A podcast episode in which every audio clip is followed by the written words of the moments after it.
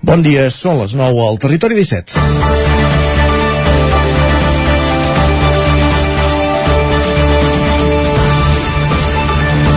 Parlem del temps per no rebentar, diuen alguns. Per altres és el tema de conversa en situacions incòmodes a l'ascensor, però més enllà dels tòpics, la previsió meteorològica cada dia genera més adeptes, i més en els darrers anys, que per l'efecte de la mà de l'home, per l'efecte de la mà de l'home, sí, estem descobrint fenòmens nous prop de casa.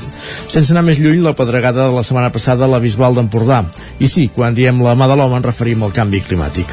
Ho explica molt bé en una entrevista al 9-9 el meteoròleg Martí Oliveres. El clima està canviant, estem amb un escalfament global agreujat per l'acció de l'home i els fenòmens de molta intensitat es poden anar produint amb més freqüència. Conseqüències n'hi ha d'altres, com comentàvem ahir a la secció de meteorologia amb Manel Dot. Cada cop l'estiu s'avança per davant i s'estira més per darrere i pràcticament passem de 4 quatre estacions a dues hivernes i estiu. El maig ja sembla juny, afegeix Oliveres i pràcticament arribem a tots sants amb màniga curta, deia Dot. I és que abans de les tempestes hem passat per un estiu calorós. Ja no dic eixut, perquè això ho arrosseguem pràcticament des de l'estiu de l'any passat. Només una dada. A Prats de Lluçanès, on hi ha un observador que recull les un observatori que recull les dades des de 1947, la temperatura mitjana de juny, juliol i agost d'aquest any ha estat de 24,22 graus, 3 graus com a 26 per sobre que l'any anterior. Si ha estat la mà de l'home la que a còpia d'any ja ha contribuït a fer canviar el clima, també haurà de ser la que gradualment la reverteixi, el reverteixi. Ara bé, la principal arma que tenim, la reducció de consum de combustibles fòssils, és una assignatura que cada juny la deixem per setembre i al setembre no ens presentem a l'examen. Anem tard, de fa molts anys, amb les energies renovables, mentre ens perdem amb el debat sobre on s'han d'instal·lar plaques solars i aerogeneradors. Cada cop és més evident que el debat s'ha de superar. Hem d'aprendre a conviure amb aquestes noves instal·lacions, òbviament, preservant activitats productives com pugui ser l'agricultura, perquè al cap i a la fi ens hi va la vida. És dimecres, 7 de setembre de 2022. Comença un nou Territori 17 a Twitch i a YouTube, a una conitinenca, a la veu de Sant Joan, a Ràdio Cardedeu, a Ràdio Vic, al 9 FM i al 9 TV. Territori 17, amb Isaac Moreno i Jordi Sunyer.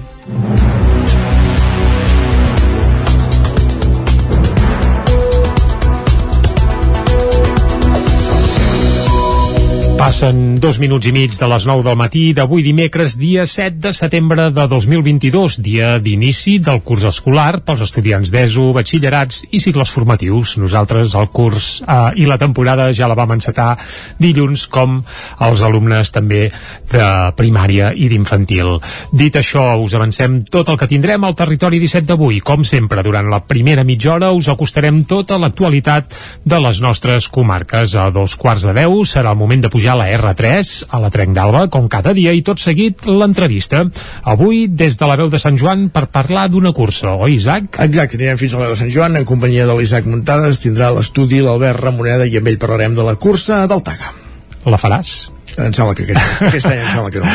Pujar a dalt del Taga? Ah, no, pujar, això? pujar dalt del Taga, ah, pujar dalt del Taga és assequible, l'altra cosa és fer el corrent. Bé, uh, en parlarem a l'entrevista avui a Territori 17. Tot seguit, uh, un conte uh, l'escoltarem aquí, a Territori 17 també, A partir d'ara, els dimecres. Els dimecres són els dies, dies molt literaris. Avui uh -huh. el que fem és començar un cicle on anirem escoltant uh, els relats del Premi de Narrativa Curta La Gralla al 9-9, que un concurs de narrativa curta que, que es fa coincidir amb, que es fa cada any i a l'estiu es publica el diari i el que farem ara durant aquest primer trimestre de l'any és anar recuperant eh, en format àudio aquest, aquests relats, els 10 relats curts finalistes i avui començarem amb l'aposta una obra de l'Anna Oliveres de, de Centelles una de les 10 finalistes d'aquest Premi de Narrativa Curta a la Gralla del 9-9 amb, la funda, amb el suport de la institució Puigporret. Doncs això, avui a Territori 17 a les 10, una mica abans de les 10 si tenim temps i posarem música, a les 10 actualitzarem butlletins informatius i tot seguit, com ja passava l'any passat, arribarà al territori sostenible. Amb en Jordi Givert, des d'una codinenca per conèixer iniciatives sostenibles a casa nostra, eh, iniciatives de tot tipus, normalment agroalimentàries, però no només, per, de persones implicades en això, amb el, amb el territori i sobretot amb el que dèiem a la portada, amb el medi ambient. Doncs vinga, això serà cap a un quart d'onze del matí. A dos quarts doncs arribarà l'hora Sánchez, per tant vol dir que passarem o repassarem unes quantes piulades, la farem petar, també farem un cop d'ull a les portades del 99.cat i tot seguit, com també passava la temporada passada, els dimecres tindrem la visita d'en Jordi Soler, que ens alegrarà interiorment, oi? No, fer la temporada passada passava els dijous, això. És veritat, és veritat. Uh, exacte eh, una setmana tindrem en Jordi Soler, l'altra la Cristina Enfruns parlant de llengua. Avui ens dediquem a l'alegria interior, ja sabeu, sessió de, de PNL, just abans d'acabar el programa, amb més literatura. Exacte, avui, com bé deies, avui és un dia molt literari, eh? I ho farem amb el Lletra Ferits, avui des de Ràdio Televisió Cardedeu, l'Òscar Muñoz, que conversa amb Teresa Sagrera, autora de Llaços de Sang. Doncs vinga, ara que ja sabem el que ens espera durant les properes dues hores, és el moment de començar, i com sempre ho farem fent un repàs a l'actualitat de les nostres comarques. Ja ho sabeu, les comarques del Ripollès, Osona, el Moianès i el Vallès Oriental.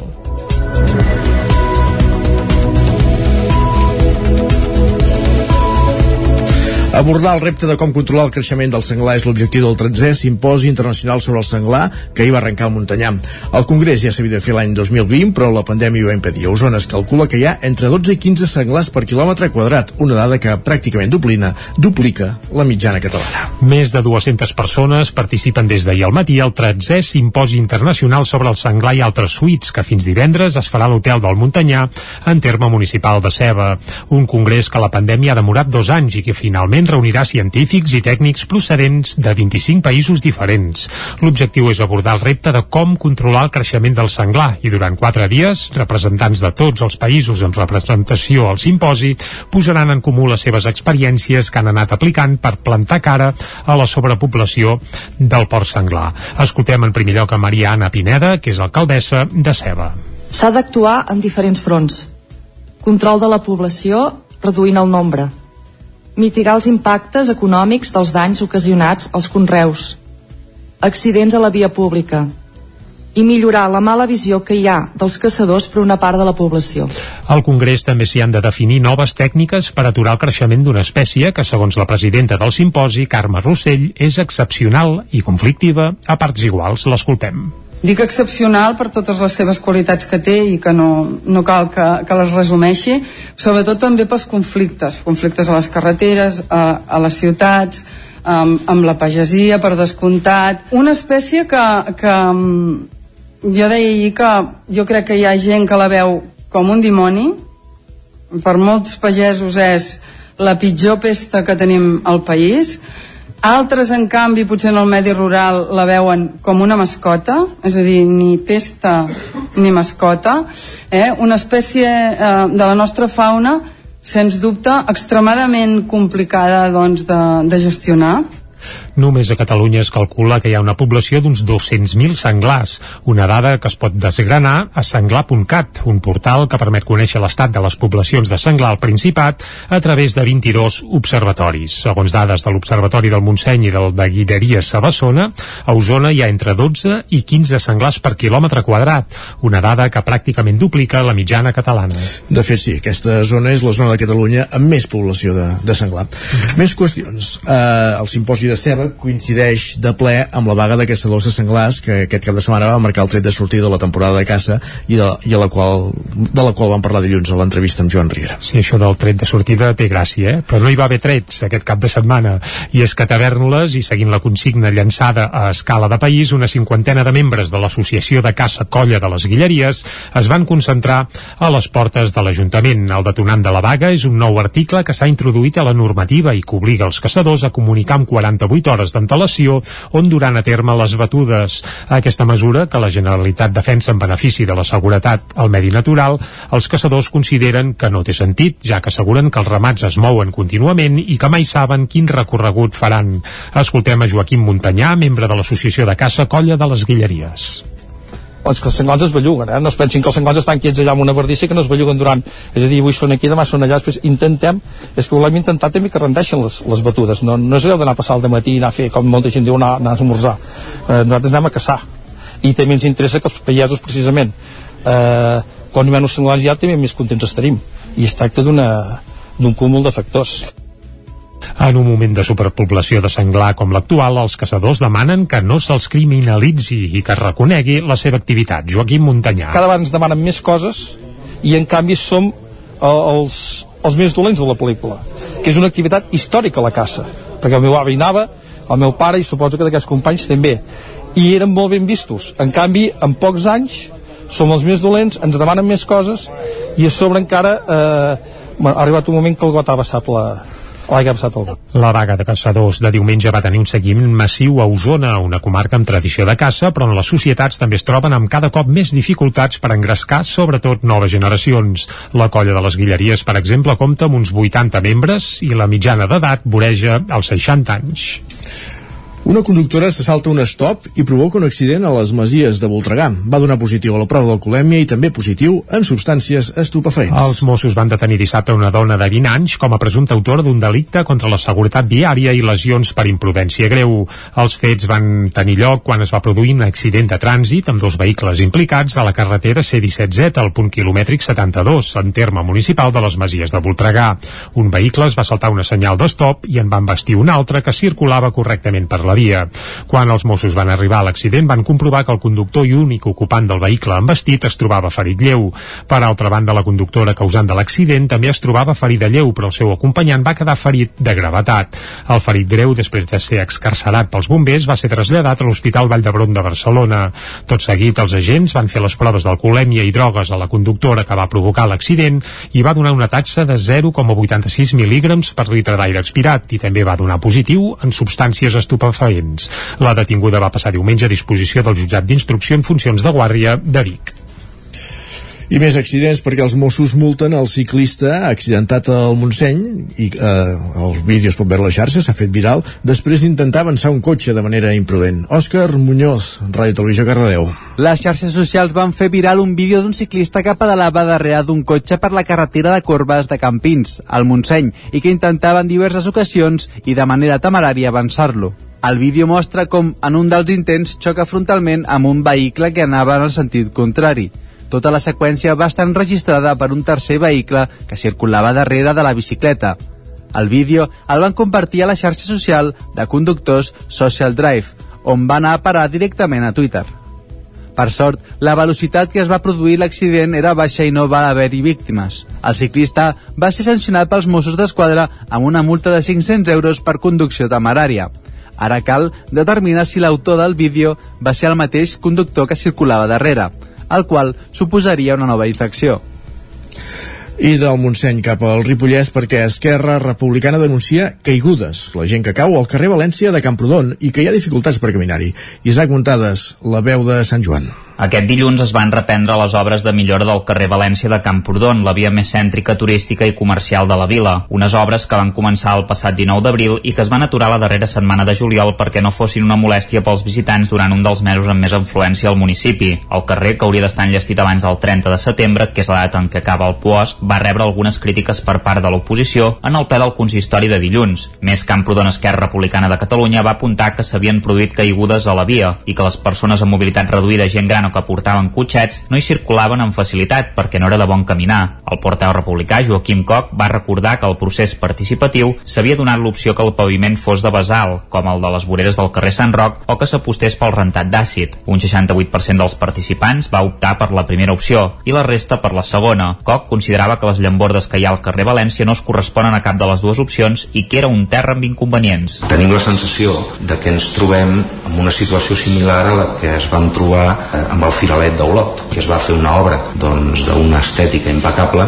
i que es van trobar un problema que la gent queia i es va haver de canviar el disseny del terra. No crec que aquell canvi estigués previst amb l'obra. Evidentment va, va millorar, perquè al final el que es tracta és que la gent hi pugui, pugui circular, però quan la gent queia, perquè el terra doncs, era aspre al caminar, l'obra ja estava acabada. L'alcalde Camprodon i de Tots per Camprodon, PSC, Xavier Guitar, va insistir en que el carrer no està acabat i va confirmar les caigudes. El tema, una persona amb el vostre carrer acabat i una persona amb obres. Aquesta és la constància que en tenim, una oficial val? entrada amb instància a l'Ajuntament i l'altra d'haver-ho sentit pel carrer. Això és el que tenim constància nosaltres, no sé si vosaltres teniu alguna altra constància, jo tinc aquests dos, una amb obres a l'inici del carrer, quasi els quatre cantons, i l'altra a l'altura del número 39. Guitar sí que va reconèixer que s'està actuant per corregir un problema greu de recollida d'aigües vinculades amb els carrers Monestir i Joaquim Claret, ja que el 80 o 90% de l'aigua de la pluja es va escolar per allà. En principi, la problemàtica s'està resolent. Coc va replicar que amb el sistema de recollida d'aigües antic no hi havia hagut cap problema i que quan es va fer el procés participatiu, el seu grup va demanar fer una revisió de la gestió de les aigües, tenint en compte la freqüència de pluges al municipi, que cada cop seria més espaiada en el temps, però més agressiva.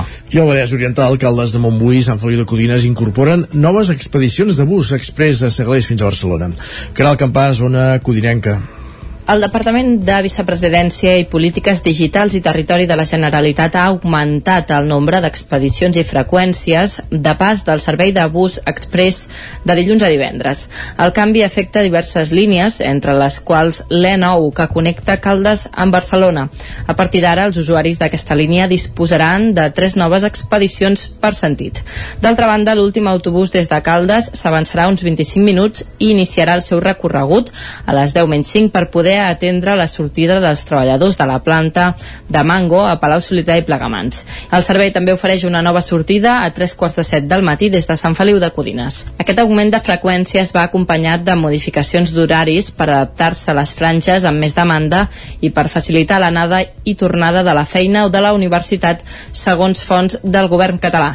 Així mateix, els canvis també persegueixen millorar la puntualitat i els responsables confien que l'augment dels vehicles evitarà que hi hagi passatgers que viatgin drets. Passa un minut d'un quart de 10, pàgina esportiva. Vic disposa d'un nou camp de futbol de gespa artificial. Es tracta del Ramon Conill, un equipament situat a la zona esportiva municipal que va néixer per acollir els partits de l'històric Remei i que fins ara era de sorra. La nova infraestructura es va inaugurar dissabte amb un triangular entre els tres clubs de futbol base que hi ha a la ciutat actualment, l'OAR Vic, el Vic Riu Primer i la Fundació Unió Esportiva Vic. Ah, exacte, un torneig entre els tres clubs de futbol base que hi ha a Vic va servir dissabte per inaugurar el remodelat camp Ramon Conill de la zona esportiva. Es tracta de l'antic camp de futbol del Remei, fins ara de sorra, on s'hi ha fet una inversió de gairebé 400.000 euros per tal de posar-hi gest artificial i guanyar així un nou espai d'entrenament i competició. Durant la inauguració, el president de la Fundació Unió Esportiva Vic, Ignasi Puig, va tenir paraules d'agraïment precisament cap a Conill, un dels impulsors del Remei Futbol Club, que va garantir la continuïtat de l'entitat quan va aconseguir un camp precisament a la zona esportiva municipal. Escoltem a Ignasi Puig bona part del mèrit que, que avui puguem estar en aquesta instal·lació doncs eh, correspon al Remei Futbol Club, un, una entitat que en, em sembla que era les dècades dels 80-90 doncs va fer també un gran treball de, de formació i de generació de valors. I penso que també l'adequació la, d'aquest espai és un reconeixement a un model de ciutat eh, planificat ja fa molts anys amb una zona esportiva aquí i un altre al Torres i Bages justament per donar eh, aquesta sortida eh, social, educativa i esportiva als nostres fills i filles. No? L'alcaldessa de Vic, Anna R, va posar en valor que el nou camp s'hagi posat en marxa amb la col·laboració i la complicitat dels tres clubs de futbol base que hi ha a la ciutat i també va deixar clar que el nou camp exemplifica l'aposta de Vic per l'esport. Anna R. Una ciutat on es treballi molt o on es dediqui molt a l'esport vol dir que té uns valors, uns valors humans que nosaltres, diguem-ne que en aquest cas tenim la sort doncs ara d'estar al govern de la ciutat, ens agrada treballar i ens agrada apostar. Per això sabem que també hem d'apostar quan tenim una demanda, l'escoltem i també doncs volem donar sortida des de la Federació Catalana de Futbol, el delegat a Osona, Pere Alzina, va agrair l'aposta de l'Ajuntament per fer créixer la zona esportiva, però ja va posar deures als polítics. Reformar també el quart camp que hi ha a la zona, que encara és de sorra, per poder disposar així de quatre camps de futbol en condicions. De moment, però, els futbolistes de Vic s'hauran de conformar, entre cometes, en tres camps, que déu nhi Arribats a aquest punt, fem una petita pausa al territori 17, del repàs informatiu. Serà moment de conèixer la previsió del temps. Per tant, és moment de saludar en Pep Acosta. Casa Terradellos us ofereix el temps. Vinga, el Pep Acosta, que ja saludem ràpidament. Pep, molt bon dia. Bon Hola, dia, Pep. què tal esteu? Bé, molt Benvingut bé. a l'Espai del Temps. Gràcies. Ja estem aquí un dia més. Anem-hi, anem uh, Aquesta nit per fi han baixat una mica les temperatures, una mica, la majoria de mínimes cap al prelitoral, zones d'interior, entre els eh, 15 i 20 graus. Hi ha poques poblacions s'han superat aquests 20 graus. Eh, tot això després d'un dia d'ahir eh, pràcticament de ple estiu, eh, molta calor, eh, pocs núvols, eh, només algunes nuvolades de tarda, molt poca cosa, i com deia, la majoria màximes ahir entre els 28 i els 32, 33, 34 graus fins i tot a les comarques, unes temperatures eh, d'escàndol de ple estiu i no hi ha uh, més, més pròpies de, de mitjans d'agost i no ja de, com deia, d'aquest mes de setembre ben avançat.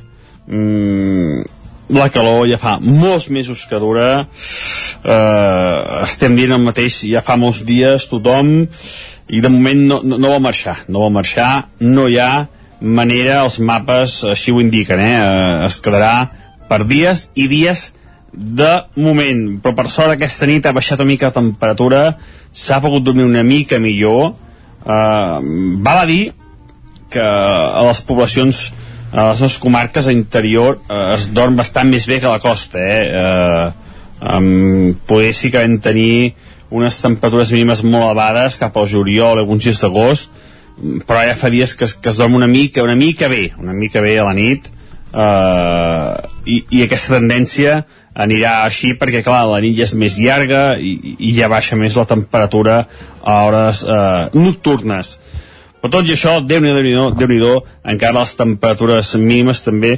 força, força altes per l'època de l'any en la que estem. Avui serà un dia Uh, anem, anem ja pel dia d'avui. No ens enduiem més amb aquesta calor que tothom sap que fa calor, que tothom ho sap però bueno, i, i sembla que no pot si, si, t'ho lliure encara podem fer una mica més però per tant la deixem estar. I anem pel dia d'avui que serà un dia una mica més ennubulat que el d'ahir. Um, els vents són una mica més Uh, més humits, um, um, per tant hi haurà més, més, nu més, més nuvolades, més núvols durant el dia, però tot i això les precipitacions seran molt escasses i és que arriben a caure. Al matí segur que no, de cara a la tarda les nuvolades poden créixer amb més energia, sobretot cap a les Guilleries i al Montseny. No es descarten quatre gotes en aquesta zona, eh, molt poca cosa, eh? si arriben a caure seran això, quatre gotes, cap a Montseny també més nuvolades i tampoc es descarten quatre gotes cap a la zona de l'Alt Pirineu de les nostres comarques. Les temperatures màximes una mica més baixes que les d'ahir, però més una mica, un o dos graus més baixes. Eh, passarem de 30 i pico graus a 30. Mm, per tant, poca, poca baixada notarem, poca baixada es pot percebre quan només baixa 1 o 2 graus la temperatura. Els ben, feb els ben febles de mar cap a terra, eh, amb màximes, ratxes màximes de 20-30 graus, eh, poca, poca presència la vent també. I això és tot a disfrutar el dia d'avui, un dia una mica menys càlid del d'ahir i una mica més inestable. Però ben poques precipitacions. Mm -hmm. Moltes gràcies, adeu. Vinga, que vagi bé. Fins després. Exacte, avui no plourà, sembla, eh? Sembla que no. Va, vinga. que portem unes setmanes animades i ara que tenim aquest home aquí que... Sí, sí, que un parell de dies, ahir doncs, tampoc hi va haver cal, tempestes, cal avui potser tampoc, sembla que a partir de demà, per això, tant ell com en Pep, eh, com en Manel Dot, que el teníem ahir aquí, ens van alertar que tornarien, eh, les tempestes. Doncs va. Bé, el que tornarà és el quiosc, no? Ah, de fet, ara hi anem, sí. Va, anem, anem. Casa Tarradellas us ha ofert aquest espai. Moment de conèixer què diuen avui els diaris a les seves portades. Per on comencem, Jordi? Va, comencem pel punt avui, que ja escalfen motors de cara a la Diada Nacional d'aquest diumenge. L'11S s'enfanga. Aquest és el titular principal de l'avui, que apunten creix la tensió entre l'ANC i Esquerra Republicana, que no enviarà consellers a la manifestació. És a dir, Pere Aragonès ja havia dit que no hi aniria, i ahir es va saber que cap dels consellers d'Esquerra del govern doncs tampoc hi aniran. Uh, per Esquerra hi anirà Forcadell, i bé, Dolors Bassa. I, i Dolors Bassa i segurament altra gent, però bé, patums, patums, doncs poques.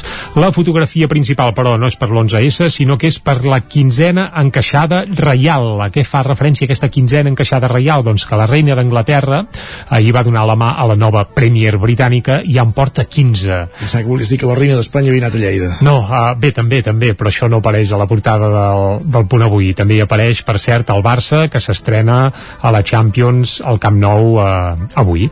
Contra Ves... Victoria Spilsen. Sí, un bé, una gran potència del futbol txec. Uh, aviam, aviam si va bé l'estrena. Va, anem cap a l'ara, l'ONU constata impactes a prop dels reactors de Zaporígia l'agència nuclear no entra en qui ha disparat contra la central i urgeix a crear-hi una zona de seguretat. La guerra ucraïna que no dona treva. I bé, eh, la fotografia per això seguim a l'ara, eh? no és per, aquest, eh, per aquesta guerra, sinó de nou per la reina Elisabet que dona la mà a la nova Premier i això sí, ho va fer, la va rebre a Escòcia, no sé si això és un gest així amb segones o que cal interpretar-lo d'alguna manera la, bàsicament perquè però... està allà i no sí, es pot moure massa. Sí, sí, això ho té, ho té clar però també sabem que a Escòcia l'any que ve poden passar coses. A l'ara la portada també apareix que Sánchez passa l'atac contra Feijó ahir es van llançar els plats pel cap una mica en un debat encès al Senat. I que se els Junts i Esquerra? Per exemple, i també apareix a l'ara canvi d'arquitectes en la construcció del Camp Nou.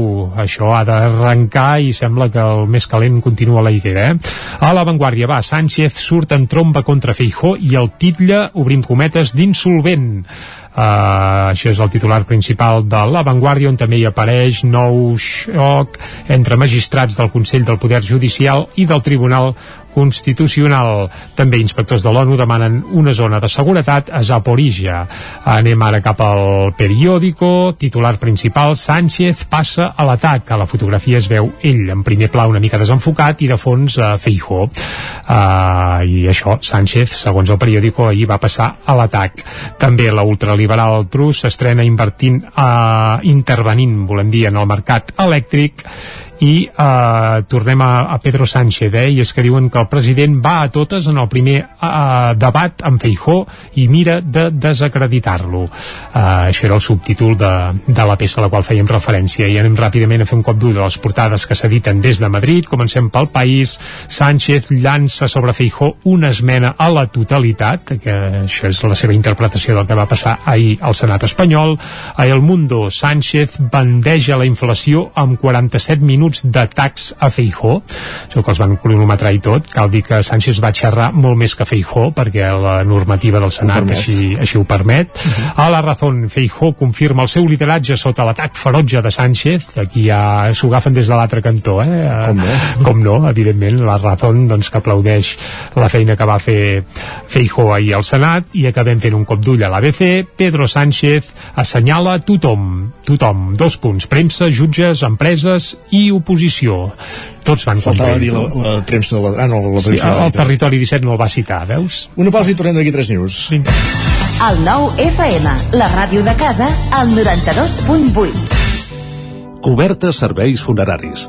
Els nostres tanatoris estan ubicats en els nuclis urbans més poblats de la comarca d'Osona per oferir un millor servei.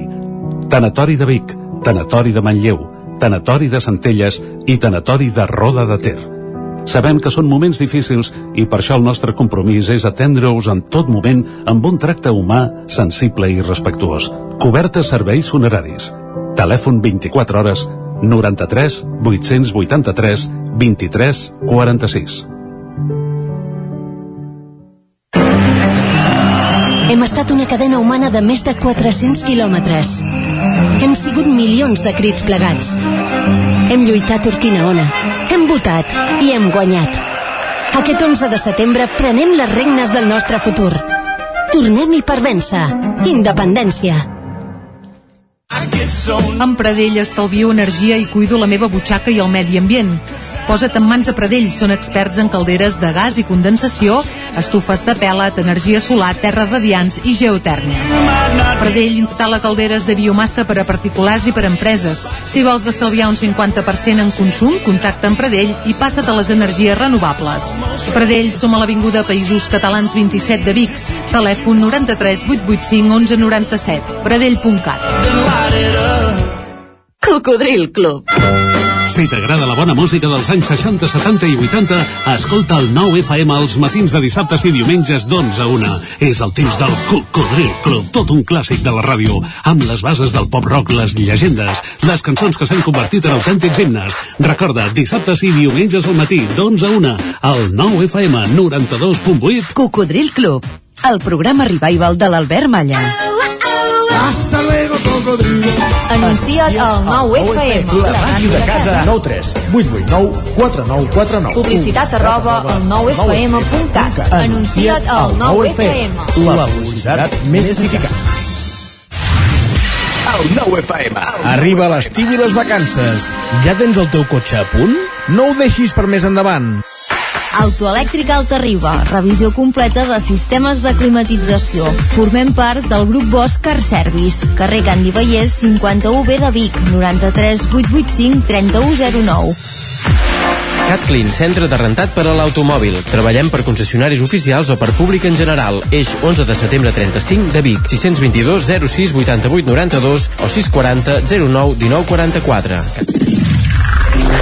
El 9FM. El 9FM. El 9FM.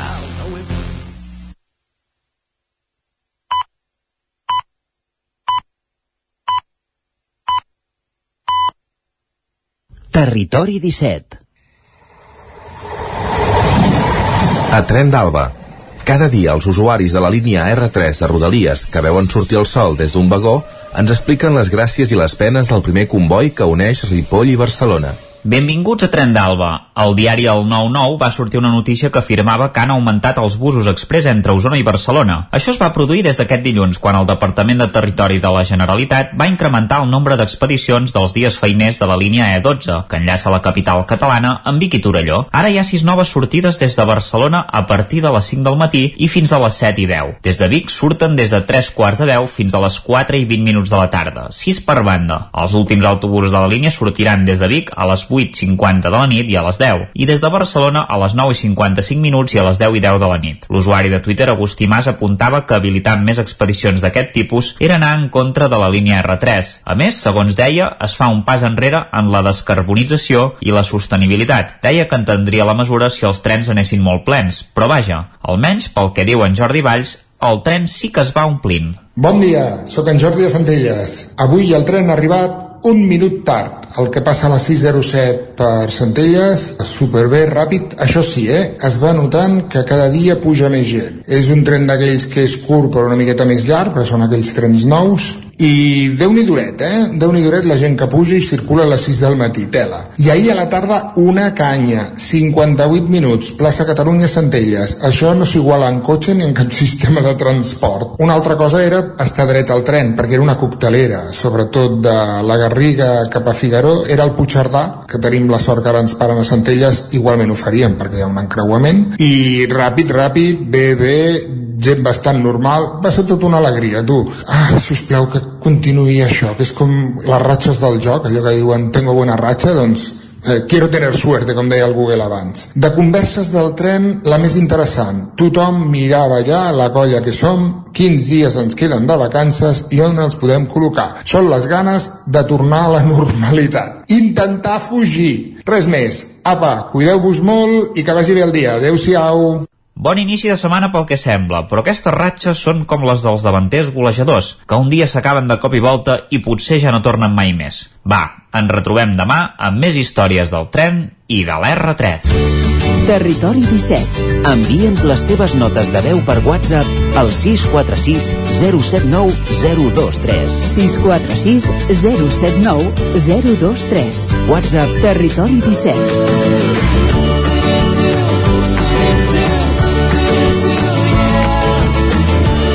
Territori 17. Som a Facebook, Twitter i Instagram amb l'usuari Territori 17. Passen 3 minuts de dos quarts de 10, parlem de la cursa del Captaga a l'entrevista.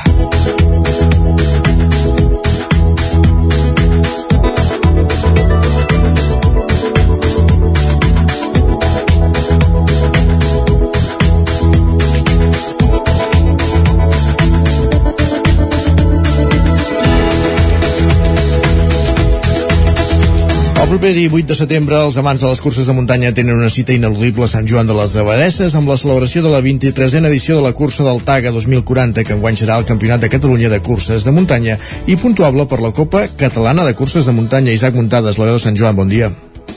Bon dia, doncs sí, i avui per parlar de la cursa del Taga, qui millor que per fer-ho que un dels organitzadors de la prova i membre de la Junta de la Unió Excursionista de Sant Joan de les Abadeses també, l'Albert Ramoneda. Bon dia, Albert, i, i moltes gràcies per ser aquí amb, amb nosaltres en directe.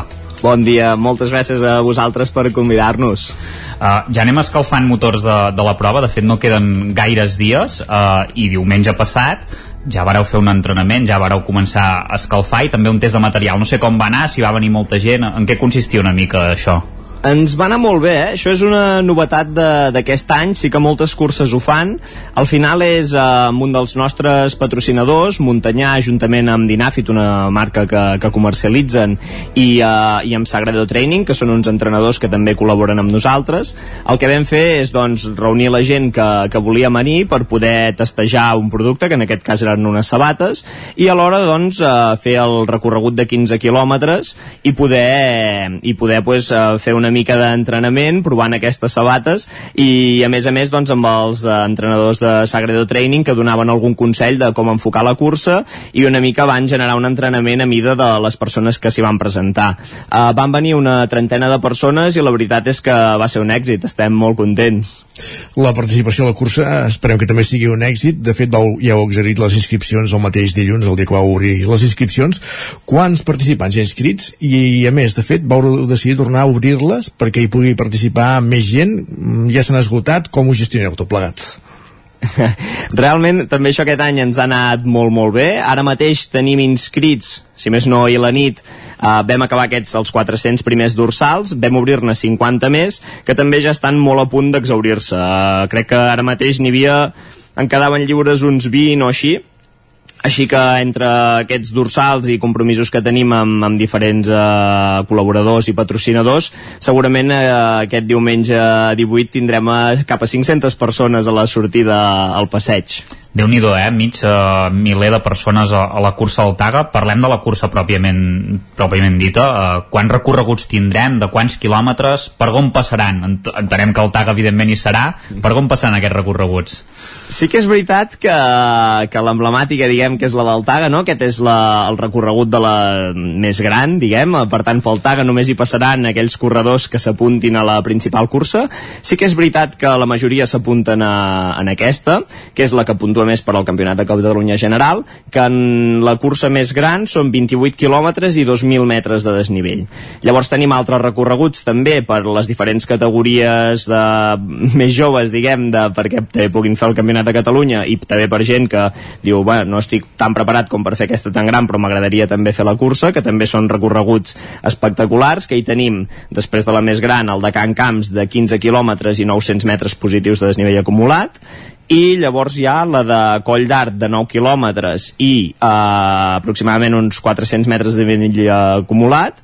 I aquest eh, any també tenim la novetat de la taga infantil competitiva que també doncs, competiran per ser campió i campió de Catalunya eh, en categoria infantil, que són uns 5 quilòmetres i uns 100, 150 metres de desnivell positiu acumulat. Mm -hmm. Ara, de fet, te'ns has avançat amb, amb la Taga Kids, no? aquesta cursa per als més petits. Qui, quina edat, eh, quines edats compreses hi podran participar? Tenim, bé, de fet hi ha la, tant la... Uh, hi, ha, hi ha dos, uh, diguem, la novetat és que hi haurà la taga infantil competitiva, que això volem fer una mica d'esforç també en, en, en recordar-ho perquè la gent no es confongui, que per una banda tenim la taga infantil competitiva el diumenge, que són uh, uh, infants de 13 a 14 anys, que aquesta és la que puntua pel Campionat de Catalunya, i llavors el dia anterior el que fem com cada any és la Taga Kids, que és un esdeveniment no competitiu on totes les persones que hi participen doncs s'enduen un, un obsequi, que en aquest cas eh, són eh, persones que tenen des de 3 anys, que és molt divertit veure'ls que els hi fas fer una recta i això, i, i realment és, és maco de veure, a eh, també 13 anys, que amb 5 recorreguts diferents eh, que fem més aviat per dintre el poble, eh, poden doncs, iniciar-se a les curses de muntanya també. Què suposa per vosaltres tenir aquest any el Campionat de Catalunya? M'imagino que era una de justícia que una cursa tan important o pogués disposar d'aquest premi, no, diguéssim, perquè fins ara no ho havíeu estat mai. Uh, realment sí que ho havíem estat i això és important perquè a més és una, és una data curiosa eh? el Campionat de Catalunya de curses per muntanya la primera vegada que es va fer l'any 2000 si no recordo malament uh -huh. va ser aquí Sant Joan de les Abadeses amb la cursa del Taga llavors i crec que també posteriorment ho ha set en un parell d'ocasions més abans que aquesta però ja, ja fa forces anys llavors a nosaltres ens fa moltíssima il·lusió perquè al final el, el Campionat de Catalunya Bé, és, és, és, um, sí que és veritat que ser part de la Copa Catalana també ens agrada molt, no? però el Campionat de Catalunya, que és aquella competició on en un dia uh, sí que decideixes no? el campió i la campiona de Catalunya, a nosaltres ens encanta i, i bé, ens suposa doncs que potser gent que, que no vindria a fer la cursa doncs, pel fet de ser campionat i, i voler competir per aquest títol, diguem, eh, doncs s'apropin, es vulguin apuntar i s'apropin a, a, la, a la cursa i aquí a Sant Joan de les Abadeses. I com es finança aquesta cursa? No sé si és difícil trobar patrocinadors en aquesta època post-Covid. Ho teniu complicat? Com ho feu? Sí, això um, sí que també és important, no? Al final és una cursa que es gestiona des de la Unió Excursionista de Sant Joan de les Abadeses, per tant, les persones que, que hi som involucrades, col·laboradors i tothom, ningú és professional d'això, és a dir, les persones que estan a, aquí, que treballem en, en fer la cursa possible, també tenim les nostres feines a part i ens, ens dediquem a, a més a més a les nostres estones lliures a poder, a poder gestionar això, i llavors el que fem és eh, això, no? Tant des dels nostres patrocinadors que ens aporten múscul financer, diguem, com les, les, diferents, uh, les diferents inscripcions que puguem tindre i si aconseguim, que aquest any han tingut sort en aquest sentit, el, alguna subvenció, doncs també és la manera, no? Uh, sí que és important que això, no?, que uh, cada vegada queden menys curses gestionades des d'una entitat que no tan professionalitzades i, bueno, nosaltres lluitem per això, no?, que uh, pugui seguir sent una cursa organitzada des d'una entitat excursionista que, que també ens agrada, no? Al final fer, fer coses una mica per, perquè vols i no perquè has, no? Més que, més que anar a treballar ho fem per gust i per, i per veure que queda un esdeveniment així. I alhora també es nota, doncs, amb els col·laboradors, avituallaments, perquè hi ha, hi ha un ambient molt, molt festiu aquell dia. Mm -hmm. Mm -hmm. Qui són els principals noms d'aquest any inscrits a la cursa i els, i els favorits, tant a la categoria masculina com a la femenina? Aquí també, clar, en aquests dies amb, amb tot el moviment que hi ha, la veritat és que no els he pogut mirar massa. Sí que hi ha algun nom, i quedaré malament, perquè aquestes, en aquest món, a més a més, sempre algun dia se t'apunta algun que no coneixes i, i de cop pot ser sorpresa, però sí que és veritat que els guanyadors de l'any passat, tant en categoria femenina com masculina hi són.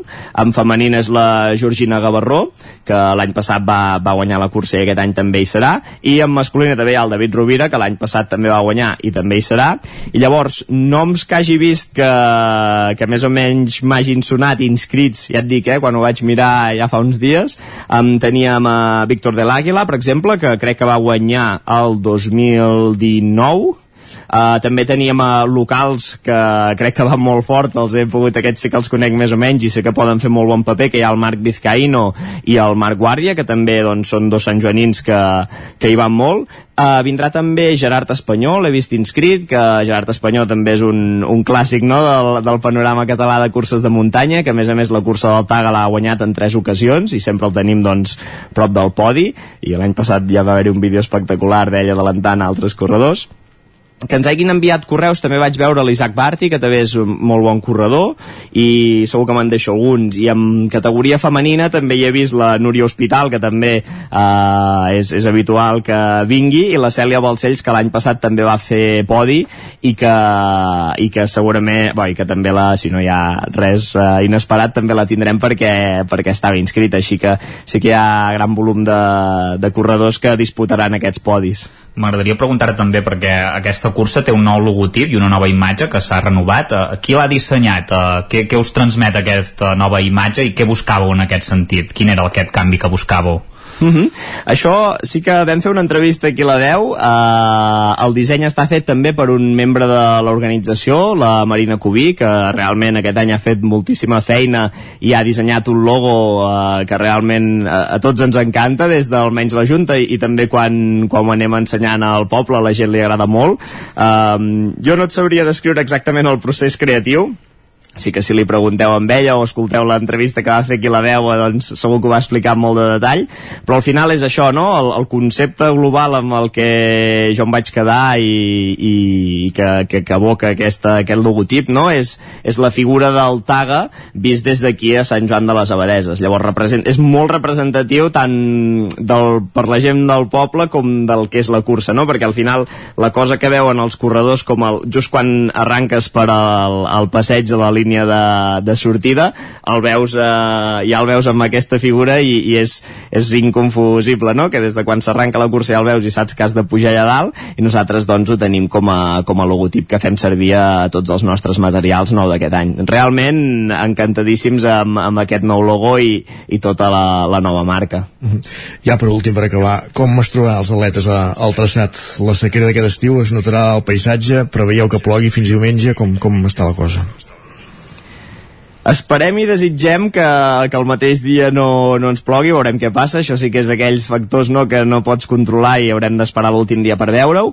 Sí que és veritat que l'entrenament que vam fer aquest diumenge, que vam poder anar a veure la de 15 i, i de fet eh, ahir que vaig mirar un altre tram de la de, de, la de 28, um, està no, no està molt sec, eh? realment sí que com aquí com sempre ens plou molt, està força humit, hi haurà força fang i així que com cada any al final els corredors trobaran eh, una cursa força tècnica perquè realment eh, el, és que què diré, el 89% és tot en, en muntanya en muntanya diguem pura i hi ha un re, un, un petit tant per cent que és pista de muntanya i asfalt pràcticament tenen eh, de sort, la línia de sortida fins a, a dalt al barri de l'estació que ja agafes el, el camí de muntanya. Llavors serà una cursa tècnica i segurament amb, amb força fang i força humida Albert Ramoneda, de l'organització del Curs Altaga, gràcies per ser avui al Territori 17 i al Territori 17 i que vagi, com bé deies bé, aquesta cursa i que si plou, que ho faci abans, que no ho faci el dia de, la cursa, durant. Moltes gràcies. Moltíssimes gràcies a vosaltres. Gràcies també, Isaac. Continuem al territori a 17. vosaltres. Fins ara. Adéu.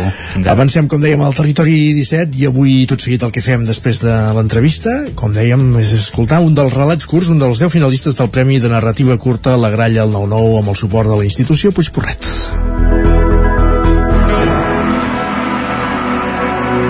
Territori 17 el 9 FM, la veu de Sant Joan, Ona Codinenca, Ràdio Cardedeu, Territori 17.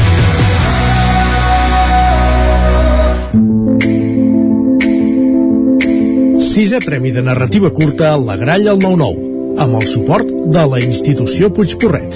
Sisè Premi Narrativa Curta La Gralla al 9-9. L'aposta d'Anna Oliveres Paré, de Centelles.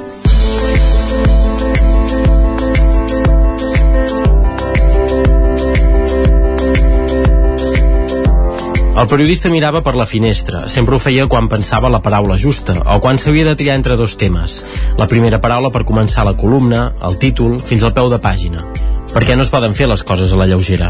Bé, sí que es poden fer. La meva germana s'havia casat amb un noi que acabava de conèixer el Tinder i contra tot pronòstic seguien junts. O el pare, que quan jugava al parcís movia la fitxa que tenia més a mà i de vegades guanyava. Fins i tot la portera, que quan la Maria Cinta havia de treure les cartes de publicitat de les bústies dels veïns, com que sabia els gustos de cadascú, treia les que no interessaven i a ell li deixava les d'electrodomèstics.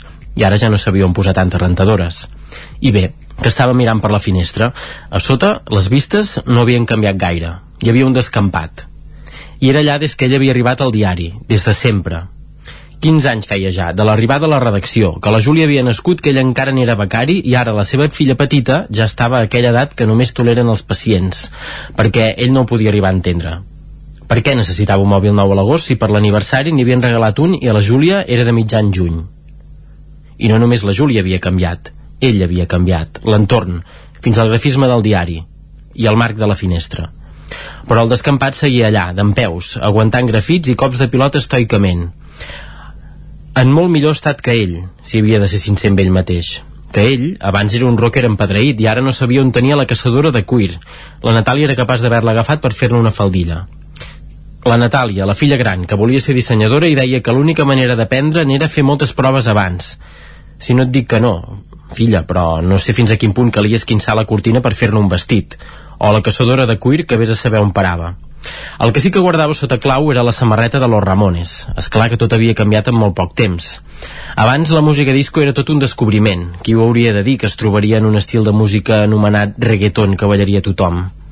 Ell, per descomptat, no ho hauria dit mai. Però el descampat era allà aliè a tot fins i tot el reggaeton que escoltava un grup de joves asseguts a un banc mentre un es tapava la boca amb les mans i després de fer uns quants sons que van deixar acaparat un rossinyol que passava per allà els deia nanos, acabo de fer la meva primera cançó de trap. I fins i tot aleshores el descampat s'havia quedat. Potser per això, des de lluny, des de dalt de la finestra, en Bertran admirava en secret aquell tros de terra que s'havia mantingut. No havia anat en lloc. On vols que vagi, que li deia l'avi Miquel, si aquest és el nostre banc preferit. I guaita, allà, que li feia ell assenyalant amb el bastó un terreny proper a la paret escrostonada, era on més bales vam guanyar. I en aquell racó, a prop de la vorera, allà hi havíem menjat cireres a l'estiu, n'havíem menjat tantes que no podíem ni caminar. I aquell arbre, allà on el veus, era tot el que necessitàvem per jugar a picaparet. El nostre primer petó i el primer gelat. Allà s'hi havien fet més jugades de petanca que concerts del Bruce Springsteen al Port Olímpic. I mira que si no tenia el rècord poc ni faltava era dur competir contra el Rolling. Això també és cert perquè facis el que facis, ells ja ho hauran fet abans. I aquell descampat potser no l'havia entrepitjat al Rolling, però l'avi Miquel ja l'havia conegut així. És que pertany a un nostàlgic i diu que no hi ha ningú que pugui pagar-li el cabal. L'avi Miquel, quan ell li demanava «I doncs, avi, que en demana molt?» Sempre li deia, ai fillet, en Maurici ho té clar i tant se val l'oferta que li facin i d'on vingui ell diu que hi ha tots els seus records d'infantesa i això és massa valuós per canviar-ho per diners però últimament hi havia hagut moviment al descampat. No només de senglars que es posaven per tot arreu, també de gent. Aquella gent que van amb trajo i casc, que no passarien desapercebuts ni que anessin a cantar amb els Village People un dia qualsevol. A la redacció feia dies que la Bet havia donat l'exclusiva. Estan a punt de vendre el terreny. Ho va dir com si res, la Bet. En canvi, en Bertran poc li va faltar de no caure cap enrere. La Bet era de la secció de música, però sovint portava les notícies abans que el de successos. Es passava el dia connectada al mòbil, potser era això. A més, era amiga de l'Octavi, el net d'en Maurici, fill del senyor que havia posat en venda el solar. A la redacció de seguida va córrer la veu. És el que té que només hi hagi una màquina de cafè i tothom tingui gana a la mateixa hora. Amb molta gent no tens tema de conversa.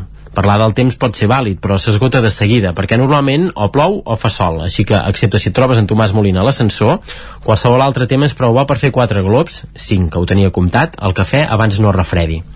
I el del descampat també ho va ser. Cada cop hi havia més curiosos passejant per allà, i això que fins feia poc era el lloc preferit per a la majoria de gossos de la ciutat. Però ara hi havia moviment que si un alt càrrec de l'Ajuntament, que si un parell d'arquitectes i un home vestit amb americana inspeccionant el terreny, no inspeccionava el terreny, buscava un anell que li acabava de caure, per això escarbava la sorra. Per això no era important. Tothom veu el que vol veure i tothom parla per distreure's. En Bertran ens mirava atònit l'escena de la sala del cafè. No només perquè cada cop li caia menys cafè a la tassa, fenomen estrany però constatat, sinó perquè ni una sola vegada havia sentit ningú que es preguntés per què aquell descampat havia seguit en peus durant tant de temps, resistint l'embat del temps com aquell castell de sorra que burla les onades perquè pensa que fondre's amb elles sempre hi serà temps.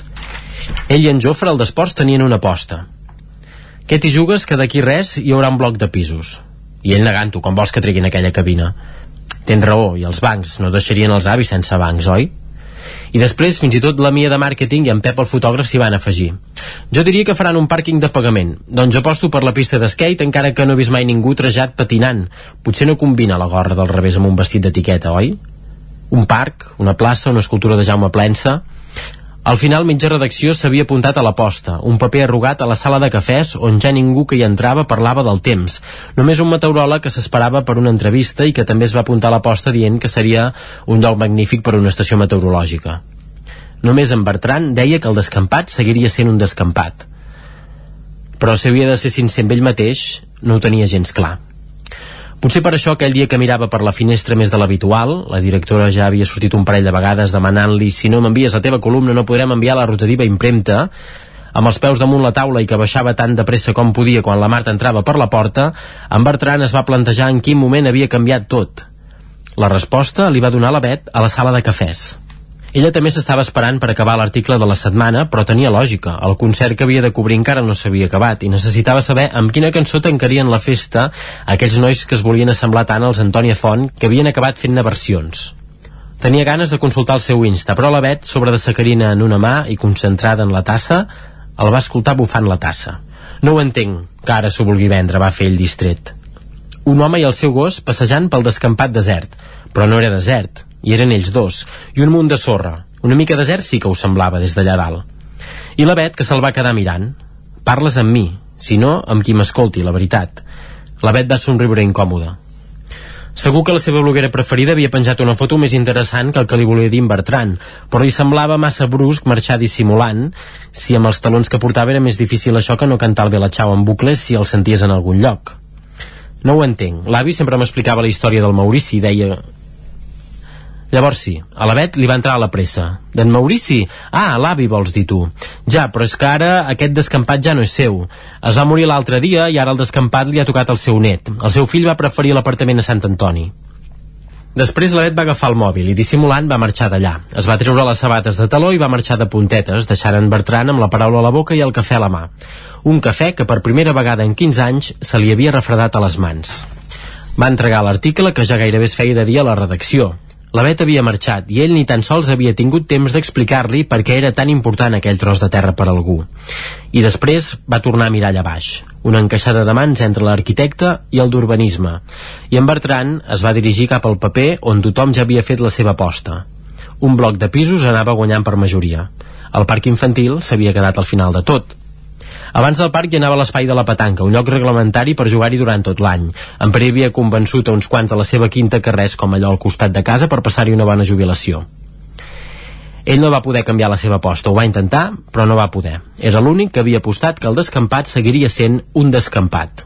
A sobre el full, però, no se'n va poder estar d'escriure un lloc on els records no s'esborren. Encara que hi faci mil gratacels, aquest sempre serà el descampat on el meu avi i els seus amics van tenir una infantesa feliç.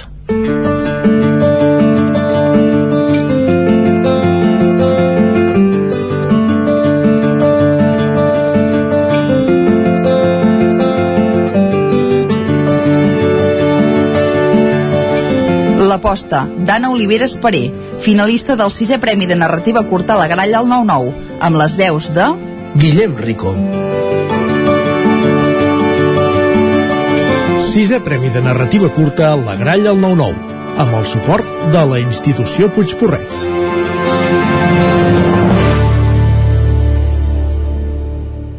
Territori 17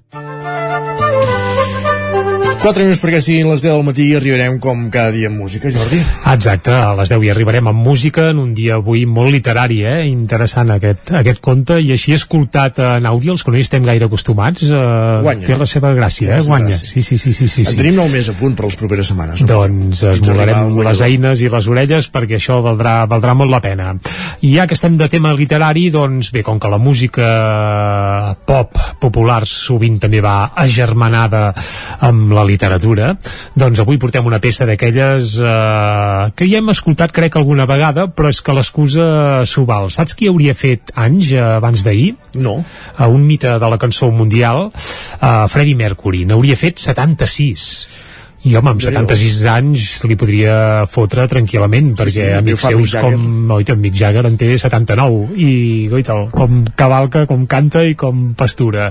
Doncs Freddie Mercury abans d'ahir no hauria fet 76 i és per això que avui eh, hem triat, hem escollit una peça del repertori de Queen, una de les més clàssiques, una de les que va fer en la seva darrera etapa quan ja s'havia conegut que estava malalt de sida.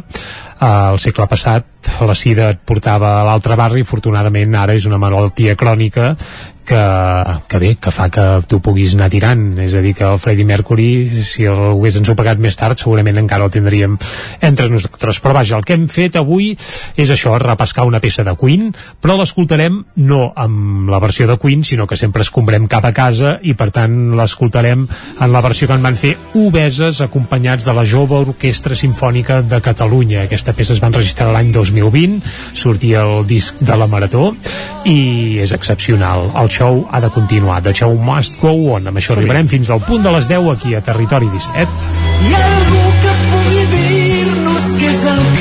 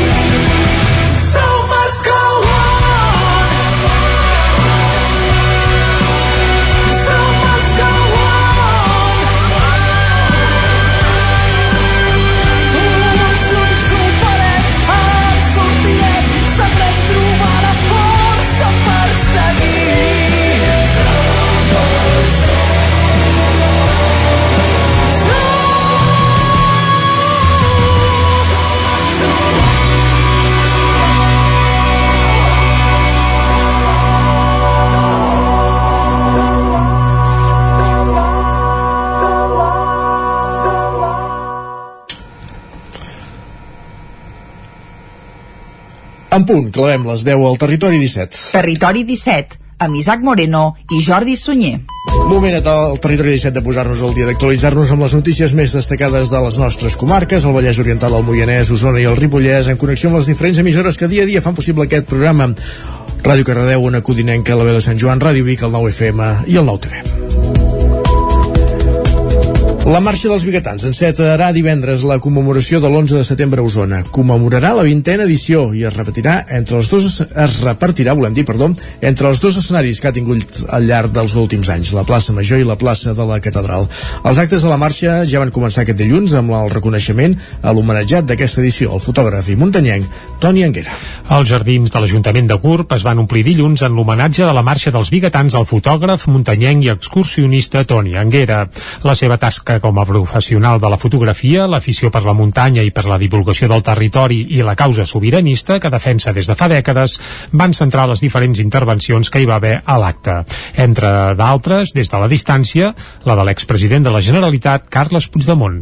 perquè vegis sortir el sol molts anys, perquè puguem gaudir de la teva fotografia, de les teves, de les te del teu compromís, perquè ens puguis acompanyar amb plenitud, perquè és el que necessitem, i perquè algun dia, eh, que no ha de ser llunyà, tots plegats veiem els resultats de tots els esforços, tant a nivell personal com a nivell col·lectiu. Eh, guardons com aquests, reconeixements dels teus, reconeixement de la gent que et coneix i de la gent que t'estima, ajuden molt. Jo et vull enviar el meu des d'aquí, també van parlar els fills de Toni Anguera, que van donar entrada a la Mare de Déu de Núria per la significació especial que té per a la família. L'actual presidenta de la Unió Excursionista de Vic, Núria Macià, entitat que Anguera també havia encapçalat, i també va parlar el president de l'ANC de Gurb, Josep Esquís. Van completar tots plegats el retrat que es va fer de l'homenatjat. Eh, Toni Anguera va centrar el seu discurs en dos conceptes, llengua i lluita. L'escoltem. Parlar molt sempre en català és l'única solució que tenim, eh? l'única, i la lluita, quan pensem, tenim de pensar amb el cap i amb el cor. No podem fer-ho separat. Això és el que diré perquè això és molt, molt, molt important que guanyem la independència. Amb l'homenatge organitzat per Òmnium Osona i l'Ajuntament de Gurb s'enceta la vintena edició de la Marxa dels Bigatans, que es farà divendres a les 9 del vespre. Les 26 columnes que participen a la Marxa dels Bigatans es trobaran a la plaça Major i es desplaçaran fins a la plaça de la Catedral, on acabarà l'acte amb la part central de tot plegat. Nou relleu al grup municipal d'Esquerra Republicana a Vic. Roger Mas deixa de ser regidor i passa el testimoni a Roser Noguer. Mas plega perquè ha deixat de viure a la ciutat i considera que des de fora no podria exercir el càrrec amb la dedicació que requereix. Roger Mas, regidor d'Esquerra Republicana a l'Ajuntament de Vic des de l'any 2019, deixa l'Ajuntament. Els motius són de caire personal. No viu a la ciutat, ja que està traslladat a Torroella de Montgrí i considera que aquesta circumstància no li permetria continuar amb la tasca de regidor tal i com voldria exercir-la. Deixa la política municipal biguetana després d'haver estat també president de la secció local d'Esquerra a la ciutat. Escoltem a Roger Mas. La ciutat de Vic exigeix molta dedicació, eh, sembla una evidència però és important dir-ho, i, i aquesta feina no la podria fer des de fora. Bàsicament el motiu és només aquest. M'hauria agradat arribar al final de mandat amb els meus companys i companyes d'Esquerra Republicana, la renúncia de Roger Mas s'oficialitzarà al ple d'aquest mes de setembre a l'Ajuntament de Vic. El relleu com a regidor d'Esquerra Republicana l'agafarà Roser Noguer, que ocupava el número 7 a la llista que els republicans van presentar l'any 2019. És la primera persona a qui li corresponia entrar, tenint en compte que el número 6, Albert Palou, ja va substituir fa uns mesos a Sandra Quílez, que també va renunciar a l'acte com a regidora. Escoltem a la que serà nova regidora d'Esquerra Vic, Roser Noguer. Des del grup municipal d'Esquerra continuarem treballant per la ciutat, pels ciutadans de Vic, i també és l'últim any d'aquesta legislatura, per tant, també és el moment de començar a fer balanç d'aquesta última legislatura. Res més, espero estar a l'alçada d'en Roger, i amb els meus companys que m'ajudaran suposo que farem una bona tasca. Roger Mas és el sisè regidor de l'Ajuntament de Vic que ha deixat el consistori aquesta legislatura.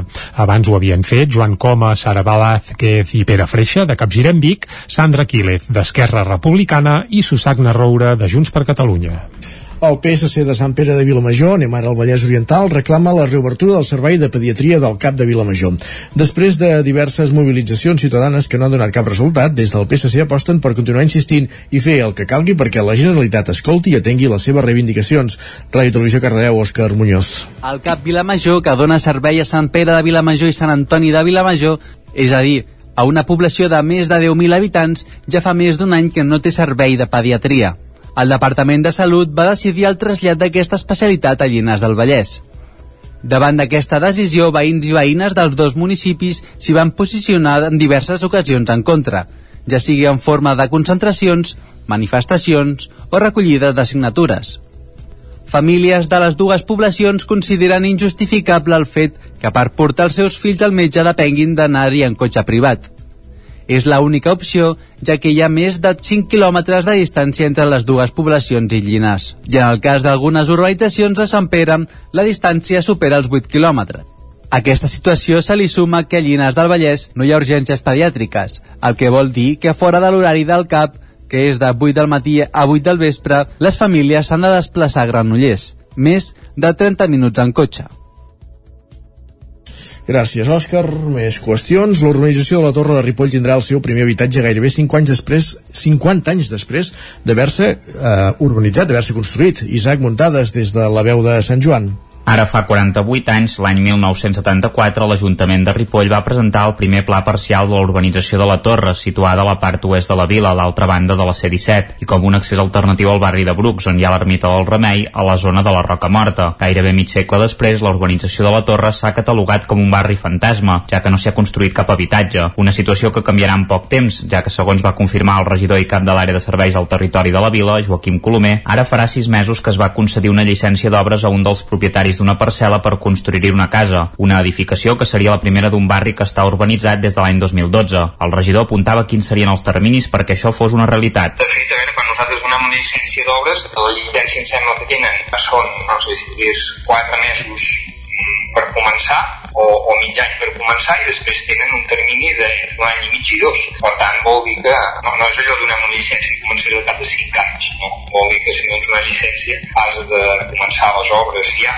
Jo crec que han de començar molt ràpid, a més és un model de casa que és pràcticament prefabricada, per tant vol dir que no, no, no tindrà allò un desenvolupament de casa per, per obres de, de dies i dies, sinó que aniran molt ràpid a fer-la Cal recordar que l'any 1979 es van començar a vendre les parcel·les per més de 2 milions de pessetes, però va haver-hi problemes entre els promotors de l'urbanització i l'Ajuntament perquè els primers no eren prou solvents econòmicament. Sis anys més tard, Núñez Avenida, una empresa filial de Núñez i Navarro S.A., va comprar per una pesseta el 87% de la urbanització al germán Sala Gené. Les demandes dels parcel·listes per estafa contra els propietaris de la urbanització es van convertir en una constant. L'any 1997 es va aprovar un nou pla parcial que contemplava 50.000 metres quadrats, la meitat d'edificables per construir 64 habitatges plurifamiliars i 39 d'unifamiliars de cases aïllades amb jardí. Núñez i Navarro es va comprometre a urbanitzar la torre l'any 2005, però això no es fa fins 7 anys després per diversos incompliments. El barri compta amb l'arribada de l'enllumenat públic i el 2012 Núñez i Navarro posa en venda les parcel·les a 99.000 euros cadascuna. Al cap de 3 anys no s'ha venut ni una sola parcel·la i la urbanització comença a tenir un aspecte decadent i ruïnós per culpa de l'augment de vegetació i de falta de manteniment. Llavors es calculava que hi havia 50 50 parcel·les, la meitat eren de la immobiliària barcelonina, una quinzena de particulars i una desena del consistori. Colomer espera que ara l'efecte crida faci que més gent s'animi a fer un habitatge, ja que els terrenys estan preparats i es pot donar una llicència d'obres d'un dia per l'altre. Gràcies, Isaac. I del Ripollès a Caldes de Montbui, on s'ha estrenat el nou pas soterrat que connecta la població amb el cementiri municipal passant per sota de la C59, que era el campàs, on a Codinenca.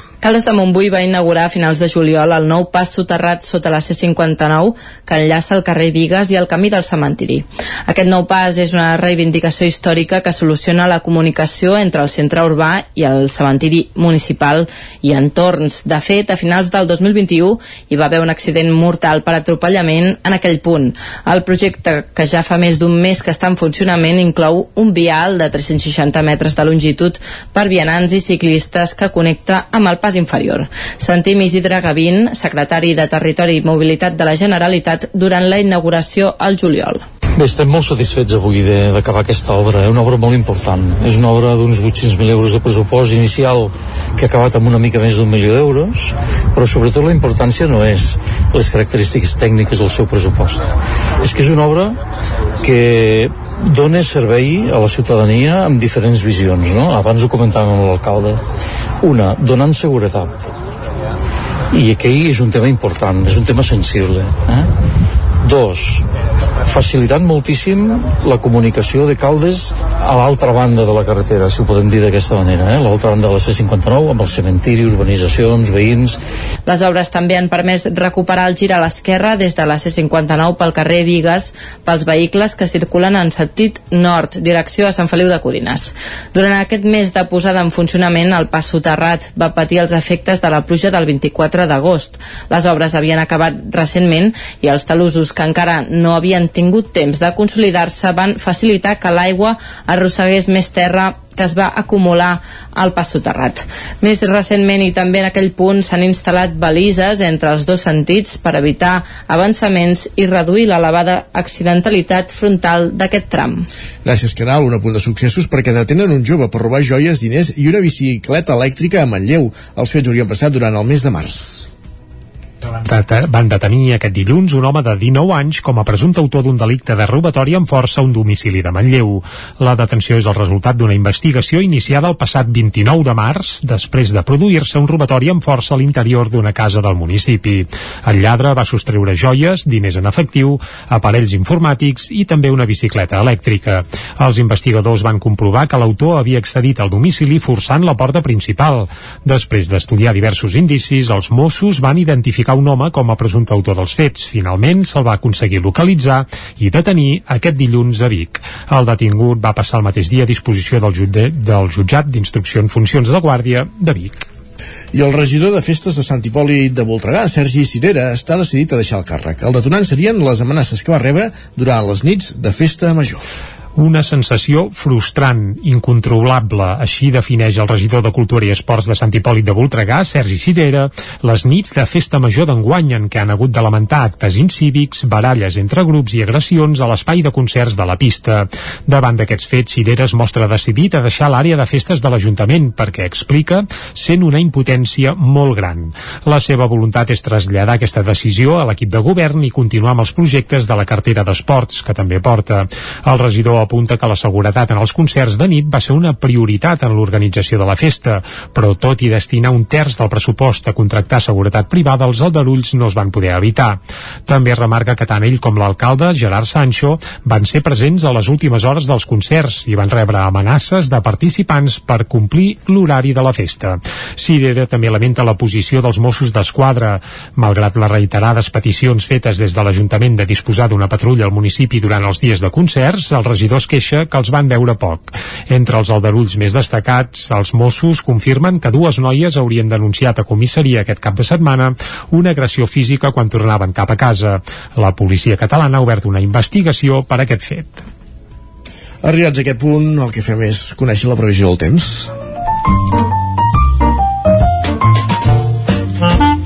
Casa Terradellos us ofereix el temps. I per això tornem a una codinenca on ja ens espera en Pep Acosta, Jordi. Tant, tornem a saludar en Pep Acosta perquè ens posi al dia del temps que ens espera per avui. Hi haurà remullada o no aquesta Hola, tarda? què tal esteu? Bon dia, Pep, va. Uh, aquesta nit per fi han baixat una mica les temperatures. Una mica. Una mica. La majoria de mínimes cap al prelitoral, zones d'interior, entre els uh, 15 i 20 graus. Ja en poques poblacions s'han superat aquests 20 graus. Uh, tot això després d'un dia d'ahir uh, pràcticament de ple estiu, uh, molta calor, uh, pocs núvols, uh, només algunes nuvolades de tarda, molt poca cosa, i com deia, la majoria màximes ahir entre els 28 i els 32, 33, 34 graus fins i tot a les comarques, unes temperatures uh, d'escàndol de ple estiu, uh, més, més pròpies de, de mitjans d'agost i no ja de, com deia, d'aquest mes de setembre ben avançat. Uh, anem, anem ja pel dia d'avui, no ens enduiem més amb aquesta calor, que tothom sap que fa calor, que tothom ho sap, però bueno, i, i sembla que no vols si, si, si t'ho diuen que podem fer una mica més, però per tant la deixem estar, i anem pel dia d'avui, que serà un dia una mica més ennubulat que el d'ahir, um, els vents són una mica més, uh, més humits, um, um, per tant hi haurà més, més, nu, més, més nuvolades, més núvols durant el dia, però tot i això les precipitacions seran molt escasses i és que arriben a caure. Al matí segur que no. De cara a la tarda les nuvolades poden créixer amb més energia sobretot cap a les Guilleries i al Montseny. No es descarten quatre gotes en aquesta zona. Eh, molt poca cosa, eh? si arriben a caure seran això, quatre gotes cap a Montseny també més nuvolades i tampoc es descarten quatre gotes cap a la zona de l'Alt Pirineu de les nostres comarques. Les temperatures màximes una mica més baixes que les d'ahir, però més una mica, un o dos graus més baixes. Eh, passarem de 30 i pico graus a 30. Mm, Per tant, poca, poca baixada notarem, poca baixada es pot percebre quan només baixa un o dos graus la temperatura. Els ben, feb els ben febles de mar cap a terra, eh, amb màximes, datxes màximes de 20-30 graus, eh, poca, poca presència de vent també. I això és tot, a disfrutar el dia d'avui, un dia una mica menys càlid del d'ahir i una mica més inestable, però ben poques precipitacions. Moltes gràcies, fins demà, adeu. Pep, demà més, demà més. Demà, I ara el que fem és anar cap al territori sostenible i ens espera també en Jordi Givert. Anem. Casa Tarradellas us ha ofert aquest espai. Territori, Territori 17. 17. Territori 17.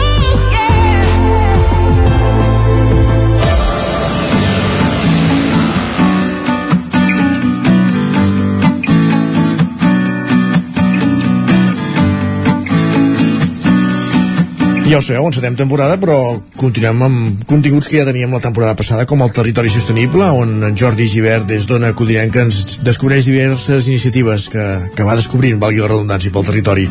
Avui parlem d'un estudi que s'està fent per conèixer la cabana del gat fer o el gat salvatge al Moianès. Jordi Givert, benvingut, bon dia. Avui al Territori Sostenible volem conèixer un projecte que busca avaluar la situació del gat fer a la comarca del Moianès i a diferents punts de Catalunya. Per això tenim amb nosaltres a la Marta Puigdomènech, col·laboradora de Conservem el Moianès, una entitat ecologista de la comarca que ens donarà els detalls d'aquest projecte que han començat. Marta, bon dia. Hola, bon dia. Uh, Marta, per situar-nos una mica, uh, des de Conservem Moianès i el Fanal, heu iniciat aquest projecte. Ens uh, pots explicar com surt la, la iniciativa de, de preocupar-se i conèixer la situació del gat fer aquí a la nostra comarca? Sí, i tant. Doncs mira, eh, tot surt arrel d'una xerrada que van venir a fer la, la gent del grup FELIS, que és el grup de, de recerca en carnívors de Catalunya, de, de la Institució Catalana d'Història Natural, sobre el gat salvatge. Llavors, arrel d'aquesta xerrada que va tenir molt, molt bona acollida, doncs ara les dues entitats i altra gent a títol particular doncs ens hem començat a, a plantejar de, d'intentar fer el seguiment de- d'aquest mamífer no només d'aquest, és a dir, específicament pel gat salvatge, però també és veritat que fent el seguiment del gat salvatge segurament trobarem molta informació d'altres carnívors del, del Moianès, com la guineu, el caixó o altres, altres animals. O sigui que aquest projecte està, estarà englobat a dins d'un que, que va a nivell de, de Catalunya, entenc. Correcte, és a dir, la gent, la gent del grup Fèlix tenen, ja tenen a altres, altres comarques eh, seguiments del, del gat salvatge. Nosaltres l'únic és que en aquest cas eh, no seguirem un protocol allò molt, molt estricte, sinó que amb càmeres de les dues entitats, amb càmeres de fototrampeig, perdona, perquè el seguiment el fem principalment amb càmeres de, de fototrampeig que posem, que posem al bosc, doncs a nivell de les dues entitats i gent particular que, que tenim càmeres, doncs col·loquem aquestes càmeres al, al bosc. O sigui, a partir d'aquestes càmeres que vosaltres teniu eh, en diferents punts del bosc, eh, intentareu captar no, eh, aquesta, aquesta espècie i, i, i la fauna que, que viu a, aquí els boscos de la comarca. Correcte. Nosaltres hem dividit tota la comarca del Moianès en diferents quadrícules Llavors, ara comencem a posar, a posar càmeres a dins de cada una d'aquestes quadrícules, a llocs on creiem a passos de fauna, és a dir, que ja es vegi que, que hi passen animals. Llavors, aquestes càmeres són les càmeres que es disparen amb el, amb el moviment. Llavors, en el moment que passa un, un animal per davant, doncs, eh, fa una fotografia i llavors nosaltres l'anem a revisar al cap d'unes setmanes i així podem veure una miqueta quina és la, la fauna, en aquest cas carnívors, que, que tenim a la comarca. Um, aneu amb alguna, amb alguna idea pre, prefixada? Teniu alguna dada? S'ha fet algun estudi? Quina és la situació del gat salvatge uh, aquí al Moianès? Uh, Se'n coneix molt la presència? És escassa? Com, quina és la situació que creieu que hi ha? De fet, només hi ha una dada i una cosa com molt, molt puntual de fa, si no recordo mal, malament, com un parell d'anys uh, al municipi de, de l'Estany però és que no hi ha res més. És a dir, es podria dir que la informació quasi és nula. Per tant, és, és molt rellevant. Si sortís alguna cosa, realment seria, seria, seria important. Uh -huh. O sigui, està eh, si hi és no, no, se, no se'l coneix eh, gaire no? si, si està aquí, eh, o sigui se l'ha vist amb contagotes, podem dir Correcte, correcte, vull dir, només aquesta vegada. Uh -huh. Llavors sí, sí que és veritat que, que sí, sí que hi ha presència al Lluçanès, per tant, seria d'esperar que pogués, que pogués baixar cap, a, cap al Moianès però de moment això encara no, no està confirmat. Uh -huh. uh, però aquesta espècie és, és autòctona de, dels boscos de, de la Catalunya central. Eh, uh, com és un gat uh, salvatge? És, és d'aquí? Va, va arribar en algun moment i, i va desaparèixer més tard? Quina és la seva història?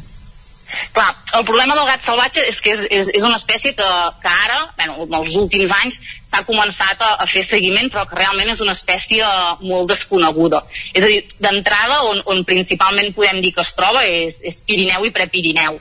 L'únic és que, bueno, a través del grup Fèlix, no, que han posat esforços en, en fer el seguiment, doncs se l'ha trobat en, en altres llocs. Per exemple, al Montseny també, també se n'han trobat, o els, els ports de, de, de Tortosa Llavors, segurament és, és qüestió de temps de que vagi baixant més cap a, cap a les nostres contrades i de que intentant fer seguiment doncs en trobem, en trobem algun rastre. Uh, clar, és un, és un, és un carnívor de, de, sabeu de què s'alimenta uh, un, un gat salvatge uh, aquí en, en els boscos? Clar, nosaltres normalment intentem, intentem mirar si hi ha, per exemple, eh, camps pel costat o xifrats que, que, que hi hagin restes que puguem veure que hi ha micromamífers o així, és un bon lloc perquè ells realment eh, és una bona zona perquè puguin caçar allà. Mm -hmm. Llavors, eh, seria l'ideal per, la, per, perquè ells s'ho mengessin. Uh, molt bé, uh, heu pogut uh, arribar a tota la comarca. Uh, has dit que l'heu dividit uh, en quadrícules, o sigui a tots els municipis de, del Moianès hi haurà uh, alguna càmera que pugui uh, detectar la presència del gat salvatge? Sí, correcte. Correcte, la idea és uh, dividir en quadrícules, per tant toca a tots, a tots els, els municipis del, del Moianès llavors normalment intentarem tenir-la entre 5 i 6 setmanes la, la càmera per tant a tot arreu hi acabarà, acabarem tenint alguna dada i que sigui d'això de, de, de carnívors en general encara que no, si, no surti el, el gat uh -huh. Uh, ens parlaves d'aquests altres uh, carnívors. Quins són els animals que espereu trobar? Suposo que a part d'aquests uh, senglars que suposo que també dispararan les càmeres o, o el cabirol que són més habituals. Teniu la idea d'algun altre animal que, que pugui aparèixer per aquí?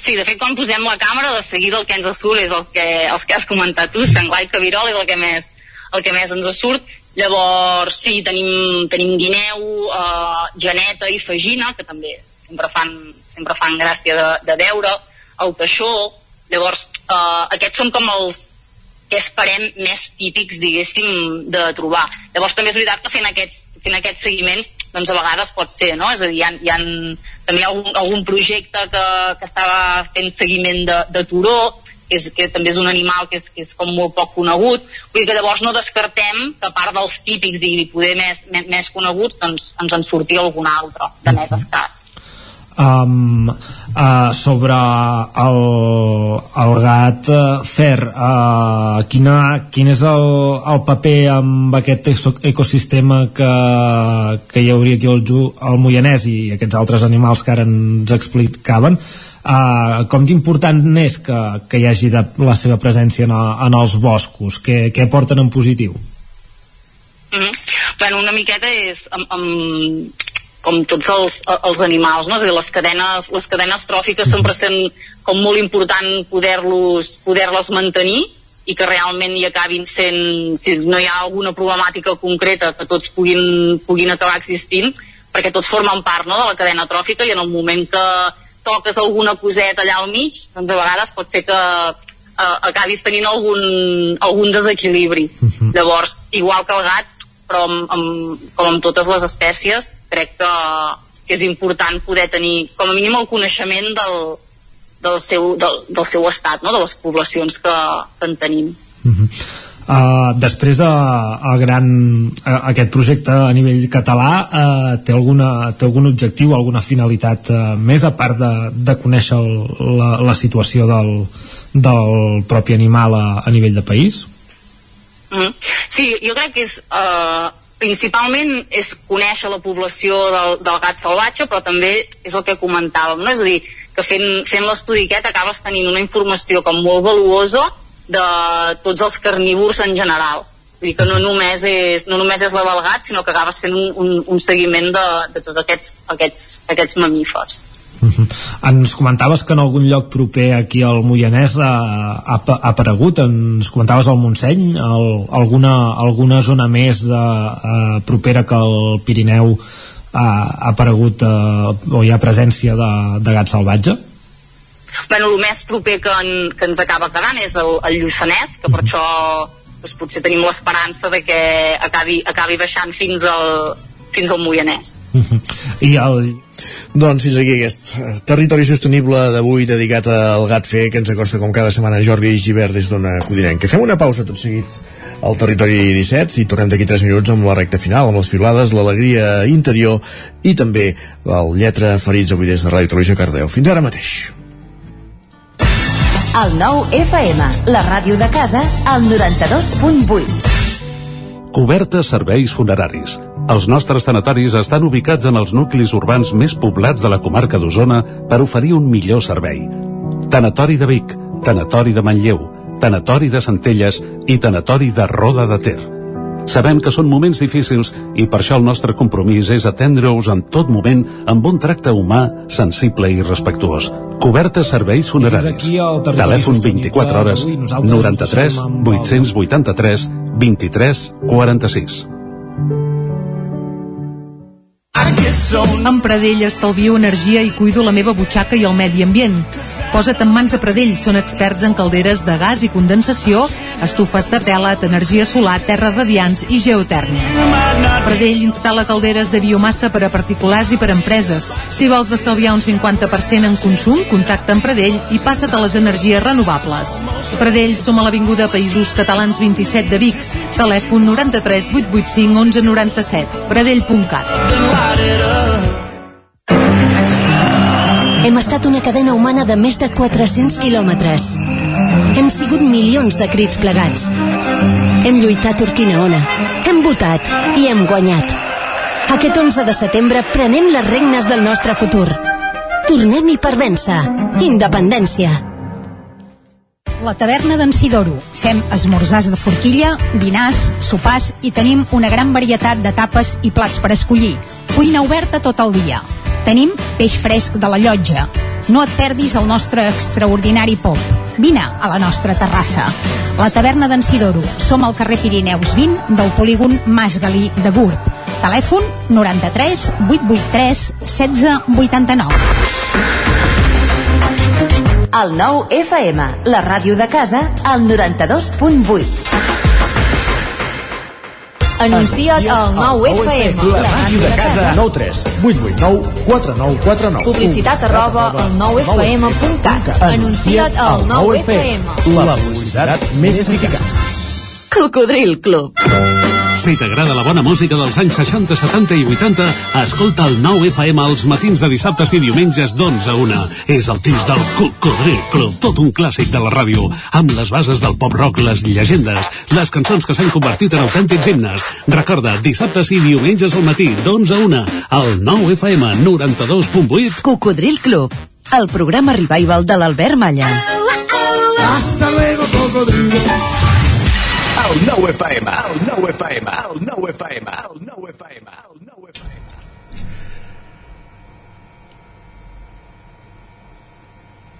En punt, dos quarts d'onze, moment de l'hora Sánchez. Abans de l'hora Sánchez, però avui, Jordi, fem un apunt d'actualitat d'una última hora, i sí. és que la Guàrdia Civil, eh, amb un operatiu iniciat per la Guàrdia Civil de Tarragona en diversos punts de Catalunya, ha escorcollat i ha detingut dues persones a Taradell en el marc d'un operatiu antidroga, de uh -huh. cultiu de, de marihuana, i que, com dèiem, també ha esquitxat Taradell, on s'hauria detingut dues persones en una nau del polígon del Vivet. Una operació de la Guàrdia Civil de Tarragona que a diversos municipis de Catalunya, entre els quals Taradell. Molt bé, això ho repassarem de seguida quan fem un cop d'ull a les portades del 99.cat, perquè ara mateix és la darrera novetat i ho encapçala, però abans el que farem és saludar en Guillem Sánchez, perquè el tenim cada dia puntualment a dos quarts d'onze aquí. Guillem, salut, de nou. Què tal, com estem? I bon dia. Bon dia. Estàs a punt per arrencar la Champions, per exemple, avui, sí? Uh, sí, però d'això Sí. sí. em sembla que en parlarem una mica demà. Avui deixarem el protagonisme pels alumnes d'ESO de batxillerat i cicles Ah, formatius. que comencen també- avui, eh? Ahir, ahir es va jugar a la Champions ja, eh? Sí, però ah, partits bueno. molt poc interessants. Els, els partits bons Manchester arrenquen avui. Manchester home. City, eh, qualque cosa. Va, canvien els hàbits i les rutines de l'estiu per a aquests alumnes que avui han tornat a classe, per ESO, exemple. batxillerats i cicles formatius que ja estan actius. En, Mar en Marc ens ho diu. Ha arribat el dia que la motxilla que feia servir per anar a la platja, a la piscina, a fer excursions, pícnics, passi a ser altra vegada la motxilla per anar a estudiar. Això està bé. Això està Ah, bé. Dos per un, no tenir dues motxilles, sinó amb una fer-ho tot. Va, l'Anna ens convida a menjar si encertem una pregunta que ens proposa per, per xarxes. Ara pla, va, Diu- parem l'orella i a casa també feu-ho, aviam. Diu, preparo una paella, a qui endevini quants alumnes tindré aquest curs a primer de batxillerat. De moment, to totes les respostes que he vist el, en el missatge són incorrectes, per tant, no ha pogut convidar encara ningú a Carai, una, a una paella. aviam, jo dic 30. Què? Crec que el 30 s'ha dit i, i era un no. Per tant, no tinc paella. Isaac, eh, l'Isaac ens està fent Què és, senyals. és? Eh, Número? qui, quin número dius tu? D'alumnes, eh? Diu, prepara una paella, qui endevini quants alumnes tindré aquest curs a batxillerat. L'Anna Pasqual. En Jordi ha dit 30, eh? Sí, he dit 30 i Vols dir no. Ni, ni més ni menys, eh, tu? Llavors, vols donar més No, perquè de moment no s'ha 18. encertat encara el número. En el, 18. en el missatge no se sap encara, eh? Ah, no se no, sap. No, se sap, no se sap. Ah, però m'has dit que 30 no. Ah, perquè, No, perquè algú ha dit i ha dit que que, havia- no. que havia respost. Ui, doncs això, demà hem de passar comptes i en tot cas anar a fer la paella si s'escau, eh? 18, ja ho t'ho dic. L'Isaac 18. Va, dies de tornar a classe o treballar també signifiquen posar al dia elements com el correu electrònic o els campus Mm. virtuals, per exemple, amb el cas dels alumnes, ens escriuen que pesats amb canviar la contrasenya del campus virtual cada dos per tres. Diu, què faran els hackers? Descarregar-se els powerpoints que porten 15 anys sense canviar? Bé, bueno. Llavors hi ha aquells atacs virtuals en campus com el de l'Autònoma que hi va Per haver exemple, fa un temps sí, i sí, fa un parell d'anys hi va haver un sotrac important a l'Autònoma que els hi va saltar tot. Tothom a córrer, tothom a córrer llavors. Bé. Va, alguns tornen a la feina no se'ls posa massa bé. Lluís ens comenta, diu, avui, sort que demà començo la feina, així tindré de nou rutina, ordre, diu, demà després de 30 minuts necessito un altre cop vacances. Sensació que em sembla que potser a molts els hi, els hi pot haver arribat aquests, aquests dies. Home, les vacances eternes Sempre es estarien bé, bé, però, bé. però també està bé... Eh, Treballar, també està bé treballar. I fer el territori 17, per home, exemple. cada dia. I en Lluís ens presenta una conclusió, una altra que té molt clara. Diu, saber-se fer el llest i saber-se fer el tonto són les dues habilitats més importants en qualsevol feina. Està bé, saber-se fer el llest, no sé, és fer- fer-se el tonto, no sabria per on interpretar-ho, eh? Uh, però vaja, molt bé. Va, el que no canvien són algunes rutines i maneres de fer derivades encara dels temps de pandèmia. Ens escriuen, t'acaben d'atracar, vas a la comissaria dels Mossos i et diuen que has de demanar cita prèvia, amb dos collons i sense despentinar-se. Ja puc ben donar fe que això funciona així, perquè malauradament vaig passar per aquesta situació. Va, i per acabar, parlant de cossos de seguretat, aquest usuari ho dona tot ja per perdut i només estem al mes de setembre. Ara, pla. Ens escriu... No parla de la Champions, eh? No, no, no, val, diu, fa- fantàstic. acabo d'estripar el meu carnet de pare. Per Carnestoltes, la meva filla vol disfressar-se de policia.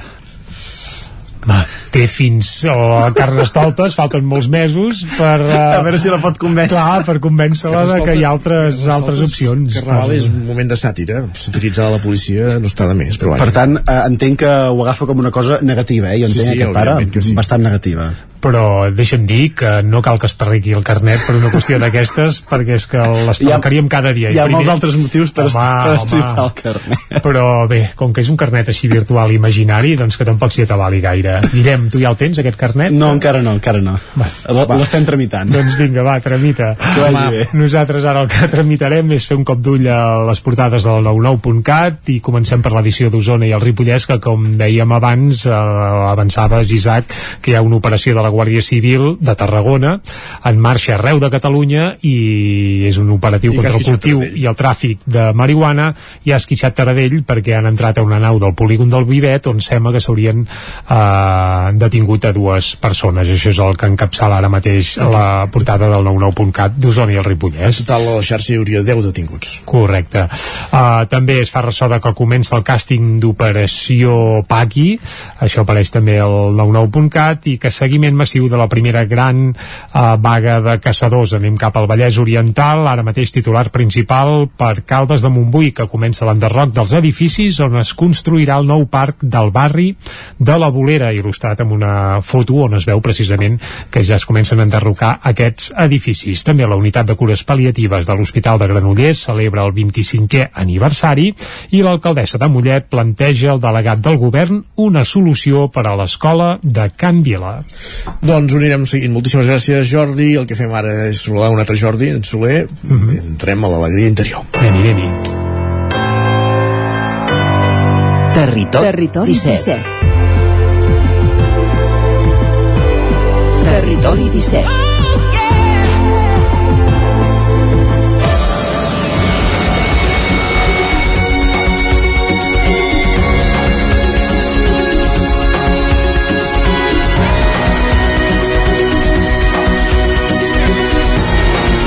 17. L'alegria interior, ja sabeu, aquestes sessions per descobrir-nos nosaltres mateixos que ens fa cada setmana en Jordi Soler, qui ja saludem. Benvingut, bon dia, Jordi. Molt bon dia. Que ens aporta recursos, eines cada setmana, doncs, per, per millorar espiritualment, diguéssim, per entendre'ns. Bueno, és un camí cap a l'autoconeixement. Exacte.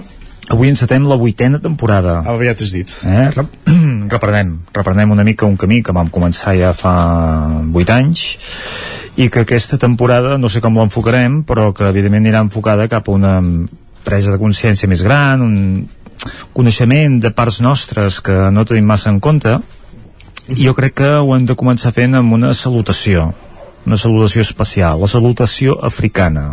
Caram. Eh? Després explicarem una mica el, el, la cerimònia, la petita, el petit acte, diguéssim, de reconeixement que fan en, en unes tribus de l'Àfrica, o feien, en unes tribus de l'Àfrica, de, del, del sud d'Àfrica. Pensa que ara el programa es veu per Twitch i això, amb això ho podem patar, eh? Depèn què em facis fer. Però va. Hauria de venir vestit. Bé, el cas és que aquest estiu, mm, aprofitant les vacances, aprofitant el temps així més de, de, de lleure, vaig posar atenció una mica amb, amb la poca cura que tenim a l'hora de tractar-nos entre nosaltres. Estava fent les meves passejadetes en bici, no?, per al Parc de Montgrí, i vaig percebre que realment totes les persones amb les que em creuava no hi havia, com ell que diu, ni contacte visual. I que no és que ja no ens saludéssim, allò quan et creues amb algú que, que està anant en bici o caminant, el lògic és que, bueno, que, que, que et saludis, no? Entre els que ho han fet tota la vida sí que és així. Sempre havia estat així, però ara cada vegada més amb la globalització, amb el fet de que, bueno, de que anem com anem, cada vegada perdem més aquest acte, diguéssim, de reconeixement. Eh? I vaig fer una mica l'experiment de saludar tothom, saludar tothom. Eh? Perquè normalment el que fem és saludem, al principi arriba un moment que ja no saludes, no? arriba un moment que ja et tornes invisible, no? I com que ets invisible, doncs la resta de la gent també d'alguna manera es tornen invisibles. Doncs em vaig dedicar a saludar tothom, tant a peu com els que es creuaven amb mi amb la bicicleta i potser una cinquena part de les persones realment em van retornar la salutació o sigui, hi havia molta gent que tot i saludar-los doncs eh, no em tornaven ni la salutació sí que és veritat que quan estàs de vacances, quan estàs en un lloc així eh, gent més aviat desconeguda doncs et despersonalitzes molt et desconnectes molt de la resta no? et crees una mica el teu ambient en la teva àrea i la resta de la gent com que són de llocs llunyans i que no coneixes, doncs tampoc hi dediques uh, massa atenció ni carinyo. Esclar, això vaig pensar... És que hem arribat a un punt, a un extrem ja potser molt, molt, molt, molt preocupant, no? Vull dir que algú que t'està dedicant unes paraules que ni te'l miris, doncs a mi això em va preocupar. I això a mi em va connectar amb l'experiència de la salutació africana que dèiem al principi. Uh -huh. eh? Doncs el, a les tribus de l'Àfrica quan dues persones es trobaven eh, clar, abans la, cada tribu, cada zona estava separada i una trobada quasi era un motiu de festa, no? Quan es retrobava gent que, bueno, que habitualment no, no, no es veien. Pronunciant la paraula Sawabona.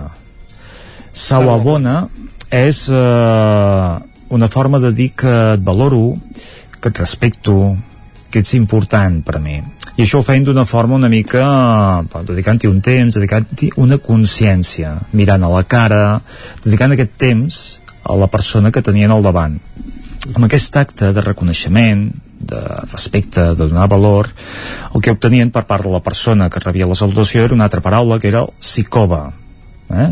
psicova és eh, això vol dir que eh, que, que sóc bo i que existeixo per tu Uh -huh. no? Que el, el fet de que rebéssim aquesta valoració, rebéssim aquest acte, diguéssim, de, de reconeixement doncs era una cosa que, que es responia amb gratitud no? i dir, doncs ara jo existeixo per tu estic aquí per tu no? i sóc no? un diu et veig, l'altre dic doncs ara existeixo fins que tu no em veus jo no existeixo i això em connecta amb el fet de dir jo anava amb la bicicleta per al parc de Montgrí i em sentia invisible Inexistent. Sí, inexistent. I si fas uh, la prova vas a un, no sé, a un mercat, un dia de mercat, no? ple de gent. Si tot al mig del mercat estàs envoltat de gent, molta gent, i ets invisible, la percepció d'invisibilitat és, és total, és plena eh? Vull dir que podríem dir que si ens poséssim uns auriculars si tanquéssim els ulls ens podríem pensar que estem al mig d'un bosc un desert, un lloc totalment despoblat hi ha matisos eh, al mercat perquè quan passes per aquelles parades de roba que no paren de cridar i dirigir-se a tu i dir-te tinc les calces a tant i no sé què allà no et sents invisible perquè t'estan dirigint directament sí, hi ha un interès eh? Exacte. Això ja és un... què passa que dius, bueno, aquí ja no et respecto, ja no et valoro valoro i et necessito, no? Exacte, que, sí, sí. El, que, el cas és que estem tan acostumats a estar amb tanta gent que ja no valorem la gent, que és el més important. Eh? Vull dir, ens centrem en, en les nostres cabòries, els nostres mal de caps, el, el, el dia a dia, i ens despreocupem, ens despreocupem una mica de, de les persones. Esclar, aquesta temporada el que volem és enfocar-ho cap a una presa de consciència. O sigui, el resum és que jo, del Parc de Montgrí, quan vaig fer aquest recorregut diversos, diversos dies eh, i em trobava en aquesta situació la conclusió final és dir, bueno, ja, a quantes persones jo no he saludat, a quantes persones jo no he reconegut, a quantes persones jo no he valorat. Vull dir que l'aprenentatge, el treball d'autoconeixement és aquest, eh? Vull dir que no és una crítica cap a aquell senyor de, de Bèlgica o de França o d'Itàlia que, que vull dir, jo era un desconegut i que per tant doncs no mereixia una mica dedicar-hi temps, no? Formaves part del paisatge sense més. Exacte, sinó que el treball és cap a dins, és cap a mi, és cap a dir, jo quantes persones no he saludat i que, que no he vist, no? i que no he tingut en compte i que no he valorat, eh? en quantes situacions en el meu dia a dia doncs jo no re respecto, jo no valoro, jo no tinc en compte no? el treball dels meus companys, no? i estic tan capficat amb, amb la meva feina que se'm passa per alt que estic amb, amb un conjunt de, de, de persones, amb un equip de, de gent que fan una labor important i que jo em descuido de valorar, em descuido de reconèixer. Però aquí també hi ha una observació a tenir en compte, que és que de normal, quan anem pel carrer, no saludem a les 200 persones que pots creuar d'aquí al, al cotxe per entendre'ns. En canvi, quan vas per la muntanya o quan vas en bicicleta o això, sí, suposo que el fet que no sigui tan habitual trobar-te gent, ho fas, no? Diguéssim, és, Clar, que és la part que em va preocupar, eh? perquè vas per la ciutat, podríem dir que tots anem amb les nostres cabòries, però quan estàs de lliure, quan vas a fer una activitat al bosc, això és com la gent que va en moto, entre els motoristes hi ha un codi no? un codi de salutació, fins i tot la forma de saludar, amb la... Fins i tot els camioners la carretera. Exacte, eh? vull dir que hi ha un codi allò, dir, bueno, com, com que som del mateix gremi, som del, del mateix equip, no? Doncs hi ha una mica aquesta deferència. Però doncs clar, si hi ha en aquest estat, ja no ens saludem, ja no vull dir el, el que passa entre un senyor que va amb cavall i un senyor que, que camina, no? Uh -huh. Vull dir que, dius, home, aquí hem de fer aquesta presa de consciència i jo quan vaig per la muntanya em trobo amb gent molt maca vull dir que gent fantàstica eh? no vol dir que tots siguin com aquest públic, diguéssim, que ens trobem en, en un... No, també el, el context de l'agost al Montgrí no és el mateix que el Ah, mateix. context, context de la tardor o bosc la Gravolós a Sant Pere de Torelló. Ah, exacte, eh? això, això sí i que trobes amb gent molt maca vull dir, per descomptat però que l'oportunitat de trobar-nos en situacions que ens criden l'atenció i a partir d'aquí fer una reflexió aquesta sí que l'hem d'aprofitar no? cada vegada que ens trobem en situacions que ens criden l'atenció és que hi ha alguna dins nostre que hem de corregir, que hem d'arreglar si no hem de veure com una crítica a l'entorn, al sistema, als altres sinó que els altres ens fan de mirall eh? i els altres ens estan dient ep, posa atenció amb això en aquest cas va ser dir ep, Jordi, què no estàs valorant? Jordi, què no estàs respectant? Què no estàs reconeixent en el teu entorn, no? Què hi penses fer? amb totes aquestes situacions en les que et pots anar trobant i potser que la gent els respectis, els miris, els hi dediquis un temps, no? Dedica temps a les persones, dedica temps a, a, al que és important, eh? humanitza't. Que una mica el missatge que jo vaig eh, rebre al final va ser aquest, eh? una mica d'autocrítica, però no una, auto, una autocrítica per, per estar malament, sinó per créixer, per avançar, que és una mica les píndoles que anirem llançant aquesta temporada, no? cada 15 dies, per avançar una mica en aquest recorregut de la situació la que estem, a la situació que desitjaríem estar eh? és el camí aquest que, que anem seguint, que anem fent Per tant, lliçó 1, apliquem-nos la salutació africana, tornem i repetim-la. Sawabona Salawona. Sa Sawabona, Sawabona. eh? la resposta és Sikoba si algú ens diu Sawa- Sawabona Sikoba. Sikoba, eh? vull dir que aleshores jo existeixo per tu, estic bé Sawabona, Sikoba. Gràcies, Jordi Soler. A vosaltres. Fins aquí 15 dies. Bon dia. bon dia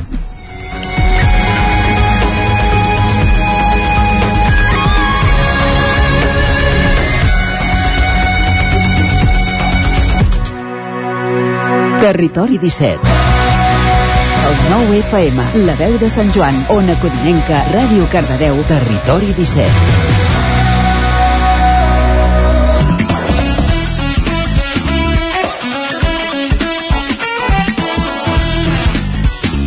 Minut i mig que passa de 3 quarts d'onze del matí rec de final del programa anem al Lletra Ferits. Avui des de Ràdio Televisió Cardedeu descobrim una autora, descobrim una obra amb l'Òscar Muñoz que conversa amb Teresa Sagrera, autora de Llaços de Sang. Òscar, benvingut de nou, bon dia. Benvinguts a un nou Lletra Ferits, el primer de la temporada des de Cardedeu. Avui parlem de la novel·la històrica Llaços de Sang, de la Teresa Sagrera i en Ramon Gasc. Tenim aquí amb nosaltres a la Teresa Sagrera. Bon dia, Teresa. Posem-nos en situació. Aquest llibre transcorre a la Girona de 1808, no? Sí, a Girona ens hem de situar en el 1808, comença amb un febrer, i l'any anterior, el 1807, s'havia signat el Tractat de Fontainebleau, per al que les tropes napoleòniques podien entrar per la península com aliats per anar a la conquesta de, a la conquesta de Portugal. És un moment de molta convulsió eh, dins de, de la corona castellana, diguéssim, de, dels Borbons, entre Carles IV i el seu fill Ferran VII, mana més Godoy que ells dos, i per tant és un moment ja convuls en què tot això farà que aquells que havien entrat com aliats eh, acabin sent una força invasora, no? perquè veuen doncs, que és un pastís, Catalunya és un pastís important eh, a repartir-se. I aquest és una mica el context. I Girona està molt a prop de França, per tant és una porta d'entrada i una porta d'entrada a Barcelona, però que acabaran situant-se també assetjant Girona.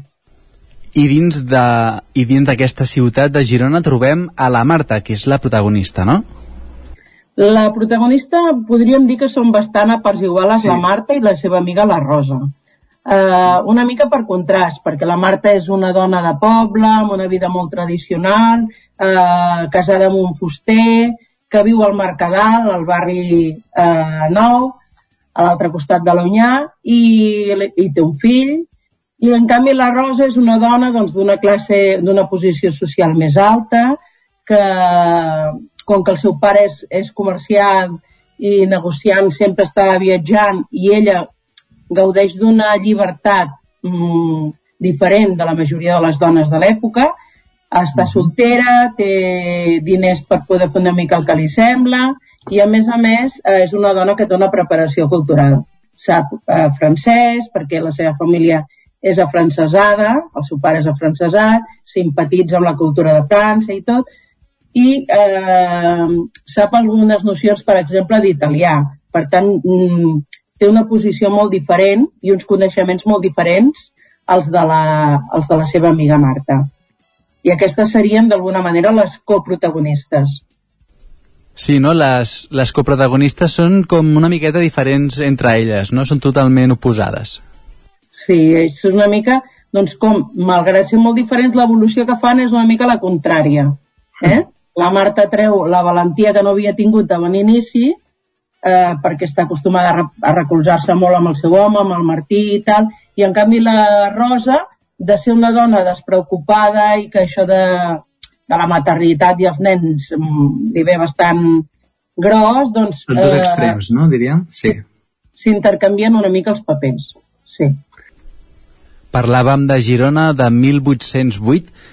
Com ens hem d'imaginar la ciutat? Com, com era en aquella època? Hem d'imaginar una Girona, doncs, molt més petita, una Girona que no arriba ben bé als 10.000 habitants, no? i ara doncs, passa dels 100.000. Una Girona que és mm, preferentment doncs, una Girona amb molts comerç, amb molt de comerciants, eh, artesans i amb un pes importantíssim de l'Església, dels convents i, a les, i les capelles, i que el, són ells, el, el, el, el sector del clergat, els que juguen un paper dominant a l'hora de fer una oposició ferma contra, contra les tropes franceses, perquè uh -huh. doncs, no els interessa eh, que, que, la, que corrin la mateixa sort que han corregut a França. No? Llavors, eh, quan al poble hi comença a haver-hi moltes veus crítiques del cement perquè no els volen com aliats ni els veuen com aliats, eh, de darrere l'Església és un, un dels sectors que apreta fort perquè això, això evolucioni cap a una insurrecció i cap a una creació de juntes per suplir el, el governador que hi ha i crear una, una revolta, diguéssim, no? Un nou govern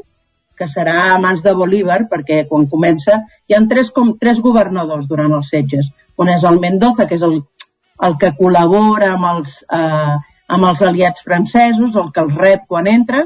Després hi haurà el Bolívar, que és el que eh, el dels alçaments i les juntes, i finalment arribarà l'Àlvarez de Castro, que és el de la resistència a mort, que els porta una mica tots al penya-segat.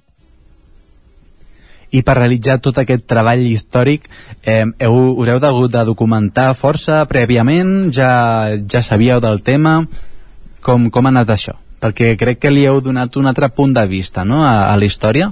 Eh, Uh, ja s'ha ja escrit també sobre aquesta guerra sí. de la independència espanyola o la guerra del francès, però sempre uh, passa una mica el mateix, no? que les, uh, les lectures que se'n fan són bastant sempre en clau doncs, uh, amb ulls d'home, sí. perquè els historiadors, bé, ara contemporàniament s'ha fet lectures molt més doncs, en clau de gènere, no? però fins fa molt pocs anys sempre s'havia fet una visió molt masculina de la història i, i per conseqüència també generalment de la novel·la històrica. Eh, nosaltres hem pretès, agafant la companyia de Santa Bàrbara i les dones de Girona, fer una lectura d'aquest setge molt més amb ulls de dona i en clau femenina. O sigui, fixant-nos en com va afectar tot aquest, aquest moment històric a les dones de, de Girona, perquè els homes, doncs, sovint són els que van a la guerra o els que van, eh, en aquest cas, a les muralles, a restaurar muralles o fer el que calgui, però clar, si a casa no es quedés ningú... Clar, és un altre punt de vista que no, que no s'explica. I, I a donar menjar a les criatures i tot, doncs quan tornaria no hi hauria, no hi hauria res. eh, per tant, nosaltres volíem posar una mica la mirada en, en tot això. I en aquesta companyia que és una companyia que dins de Girona es coneix, la companyia de Santa Bàrbara, però fora de Girona és poc coneguda. És la primera companyia regular militar femenina d'Espanya, eh, tot i que està documentada la seva participació de, del juny ja del 1808, que ja van començar a, a col·laborar mm, en els primers atacs al baluart de Santa Clara i tot, es constitueixen un any després, el juny del 1809, quan el governador Albert de Castro, a proposta d'elles, accepta la creació de la companyia. En, en un primer moment mm, se suposava que en, serien menys dones i per tant es contemplaven tres esquadres perquè segueixen una jerarquia militar com les masculines, no? I llavors, uh mhm. -huh. com que hi va haver més dones, es constitueixen en quatre esquadres i hi ha un, una, una comandant per cada esquadra i després hi ha unes sergentines i unes esquadristes per cada, per cada esquadra. Un punt de trobada, sempre es troben a la mateixa plaça, cada una d'elles, i arriben a ser cap a 200 dones, tot i que normalment eren més, perquè algunes no estan inscrites, com et deia, i acudien igualment quan hi havia la crida. Les funcions normalment són funcions eh, de cures, o sigui, portaven aiguardent, aigua, eh, o, o anaven a socórrer ferits i, i a traslladar, doncs, a, a retirar morts o el que calgués, però i portar-los també als hospitals de sang i d'això eh, però quan calia també està documentat doncs, que s'enfilaven a muralles a pedregar qui fos o agafar el fusell de qui convenia, no? I el que calia, sí. Portaven aquest distintiu que surt a la coberta que van amb un llaç vermell al vers esquerre sí. perquè no, no, no anaven uniformades i llavors el, dis, el distintiu que duien era el llaç aquest perquè els homes els, els voluntaris de la Croada i els que lluiten dins de, dins de Girona, porten una escarapela vermella en senyal de, o en el barret o en la barretina, en senyal de que són eh, partidaris de Ferran VII. I elles portaven doncs, el, el llaç vermell en el, el al braç. Doncs tot això és el llibre de Llaços de sang de la Teresa Sagrera i en Ramon Gas, que l'heu, com dieu vosaltres, no l'heu escrit a, a quatre mans. Com ha anat tot plegat? Aquest llibre és el segon que fem a quatre mans, amb el Ramon Gas, vam fer primer Sal Roja, que era de, el, bueno, de la guerra de successió centrat bàsicament a, a Cardona, i aquest doncs, és el segon, sí, sí, amb coautoria. Doncs, eh, Teresa, per anar acabant, el llibre com sí. està funcionant? No sé si us agrada parlar d'això, però... Sí. Sí, sensacions sí, sí. De, de la sí. gent bones? Bé, eh, clar, el, quan un llibre surt a finals de maig, queda una mica mm. tallat el mes d'estiu, perquè a l'estiu s'atura una mica tot. Però de cara a la tardor tornem a tenir moltíssimes activitats. Ara, l'11 de setembre, estem a la Setmana del Llibre en català, eh, mm. amb una taula rodona, al moll de la fusta, el dia 11 a tres quarts de set. I després, el dia 22 de setembre, estem al Museu d'Història de Girona, presentant allà, i ja continuem les, les presentacions de tardor. Vull dir que estem contents, estem contents. Doncs moltes gràcies, Teresa, per estar aquí amb nosaltres aquest matí de dimecres al Territori 17. Moltíssimes gràcies a vosaltres. Teresa Sagrera, coautora de Llaços de Sang, conversant amb Òscar Muñoz, el lletra ferits avui per tancar aquest territori 17 d'avui dimecres 7 de setembre de 2022. i amb el Llets Ferits, el Territori 17 arriba a la seva recta final. El programa de començar a les 9 del matí acaba ara dues hores més tard.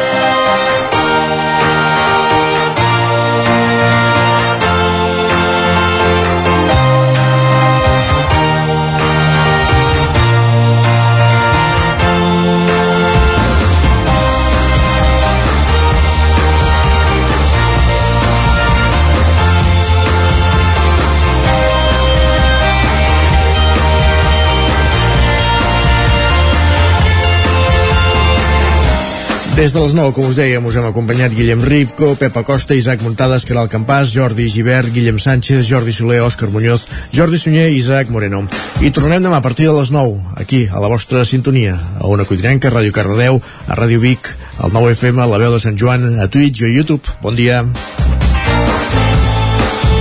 Territori 17, un magazín del nou FM. La veu de Sant Joan, Ona Codinenca i Ràdio Cardedeu amb el suport de la xarxa.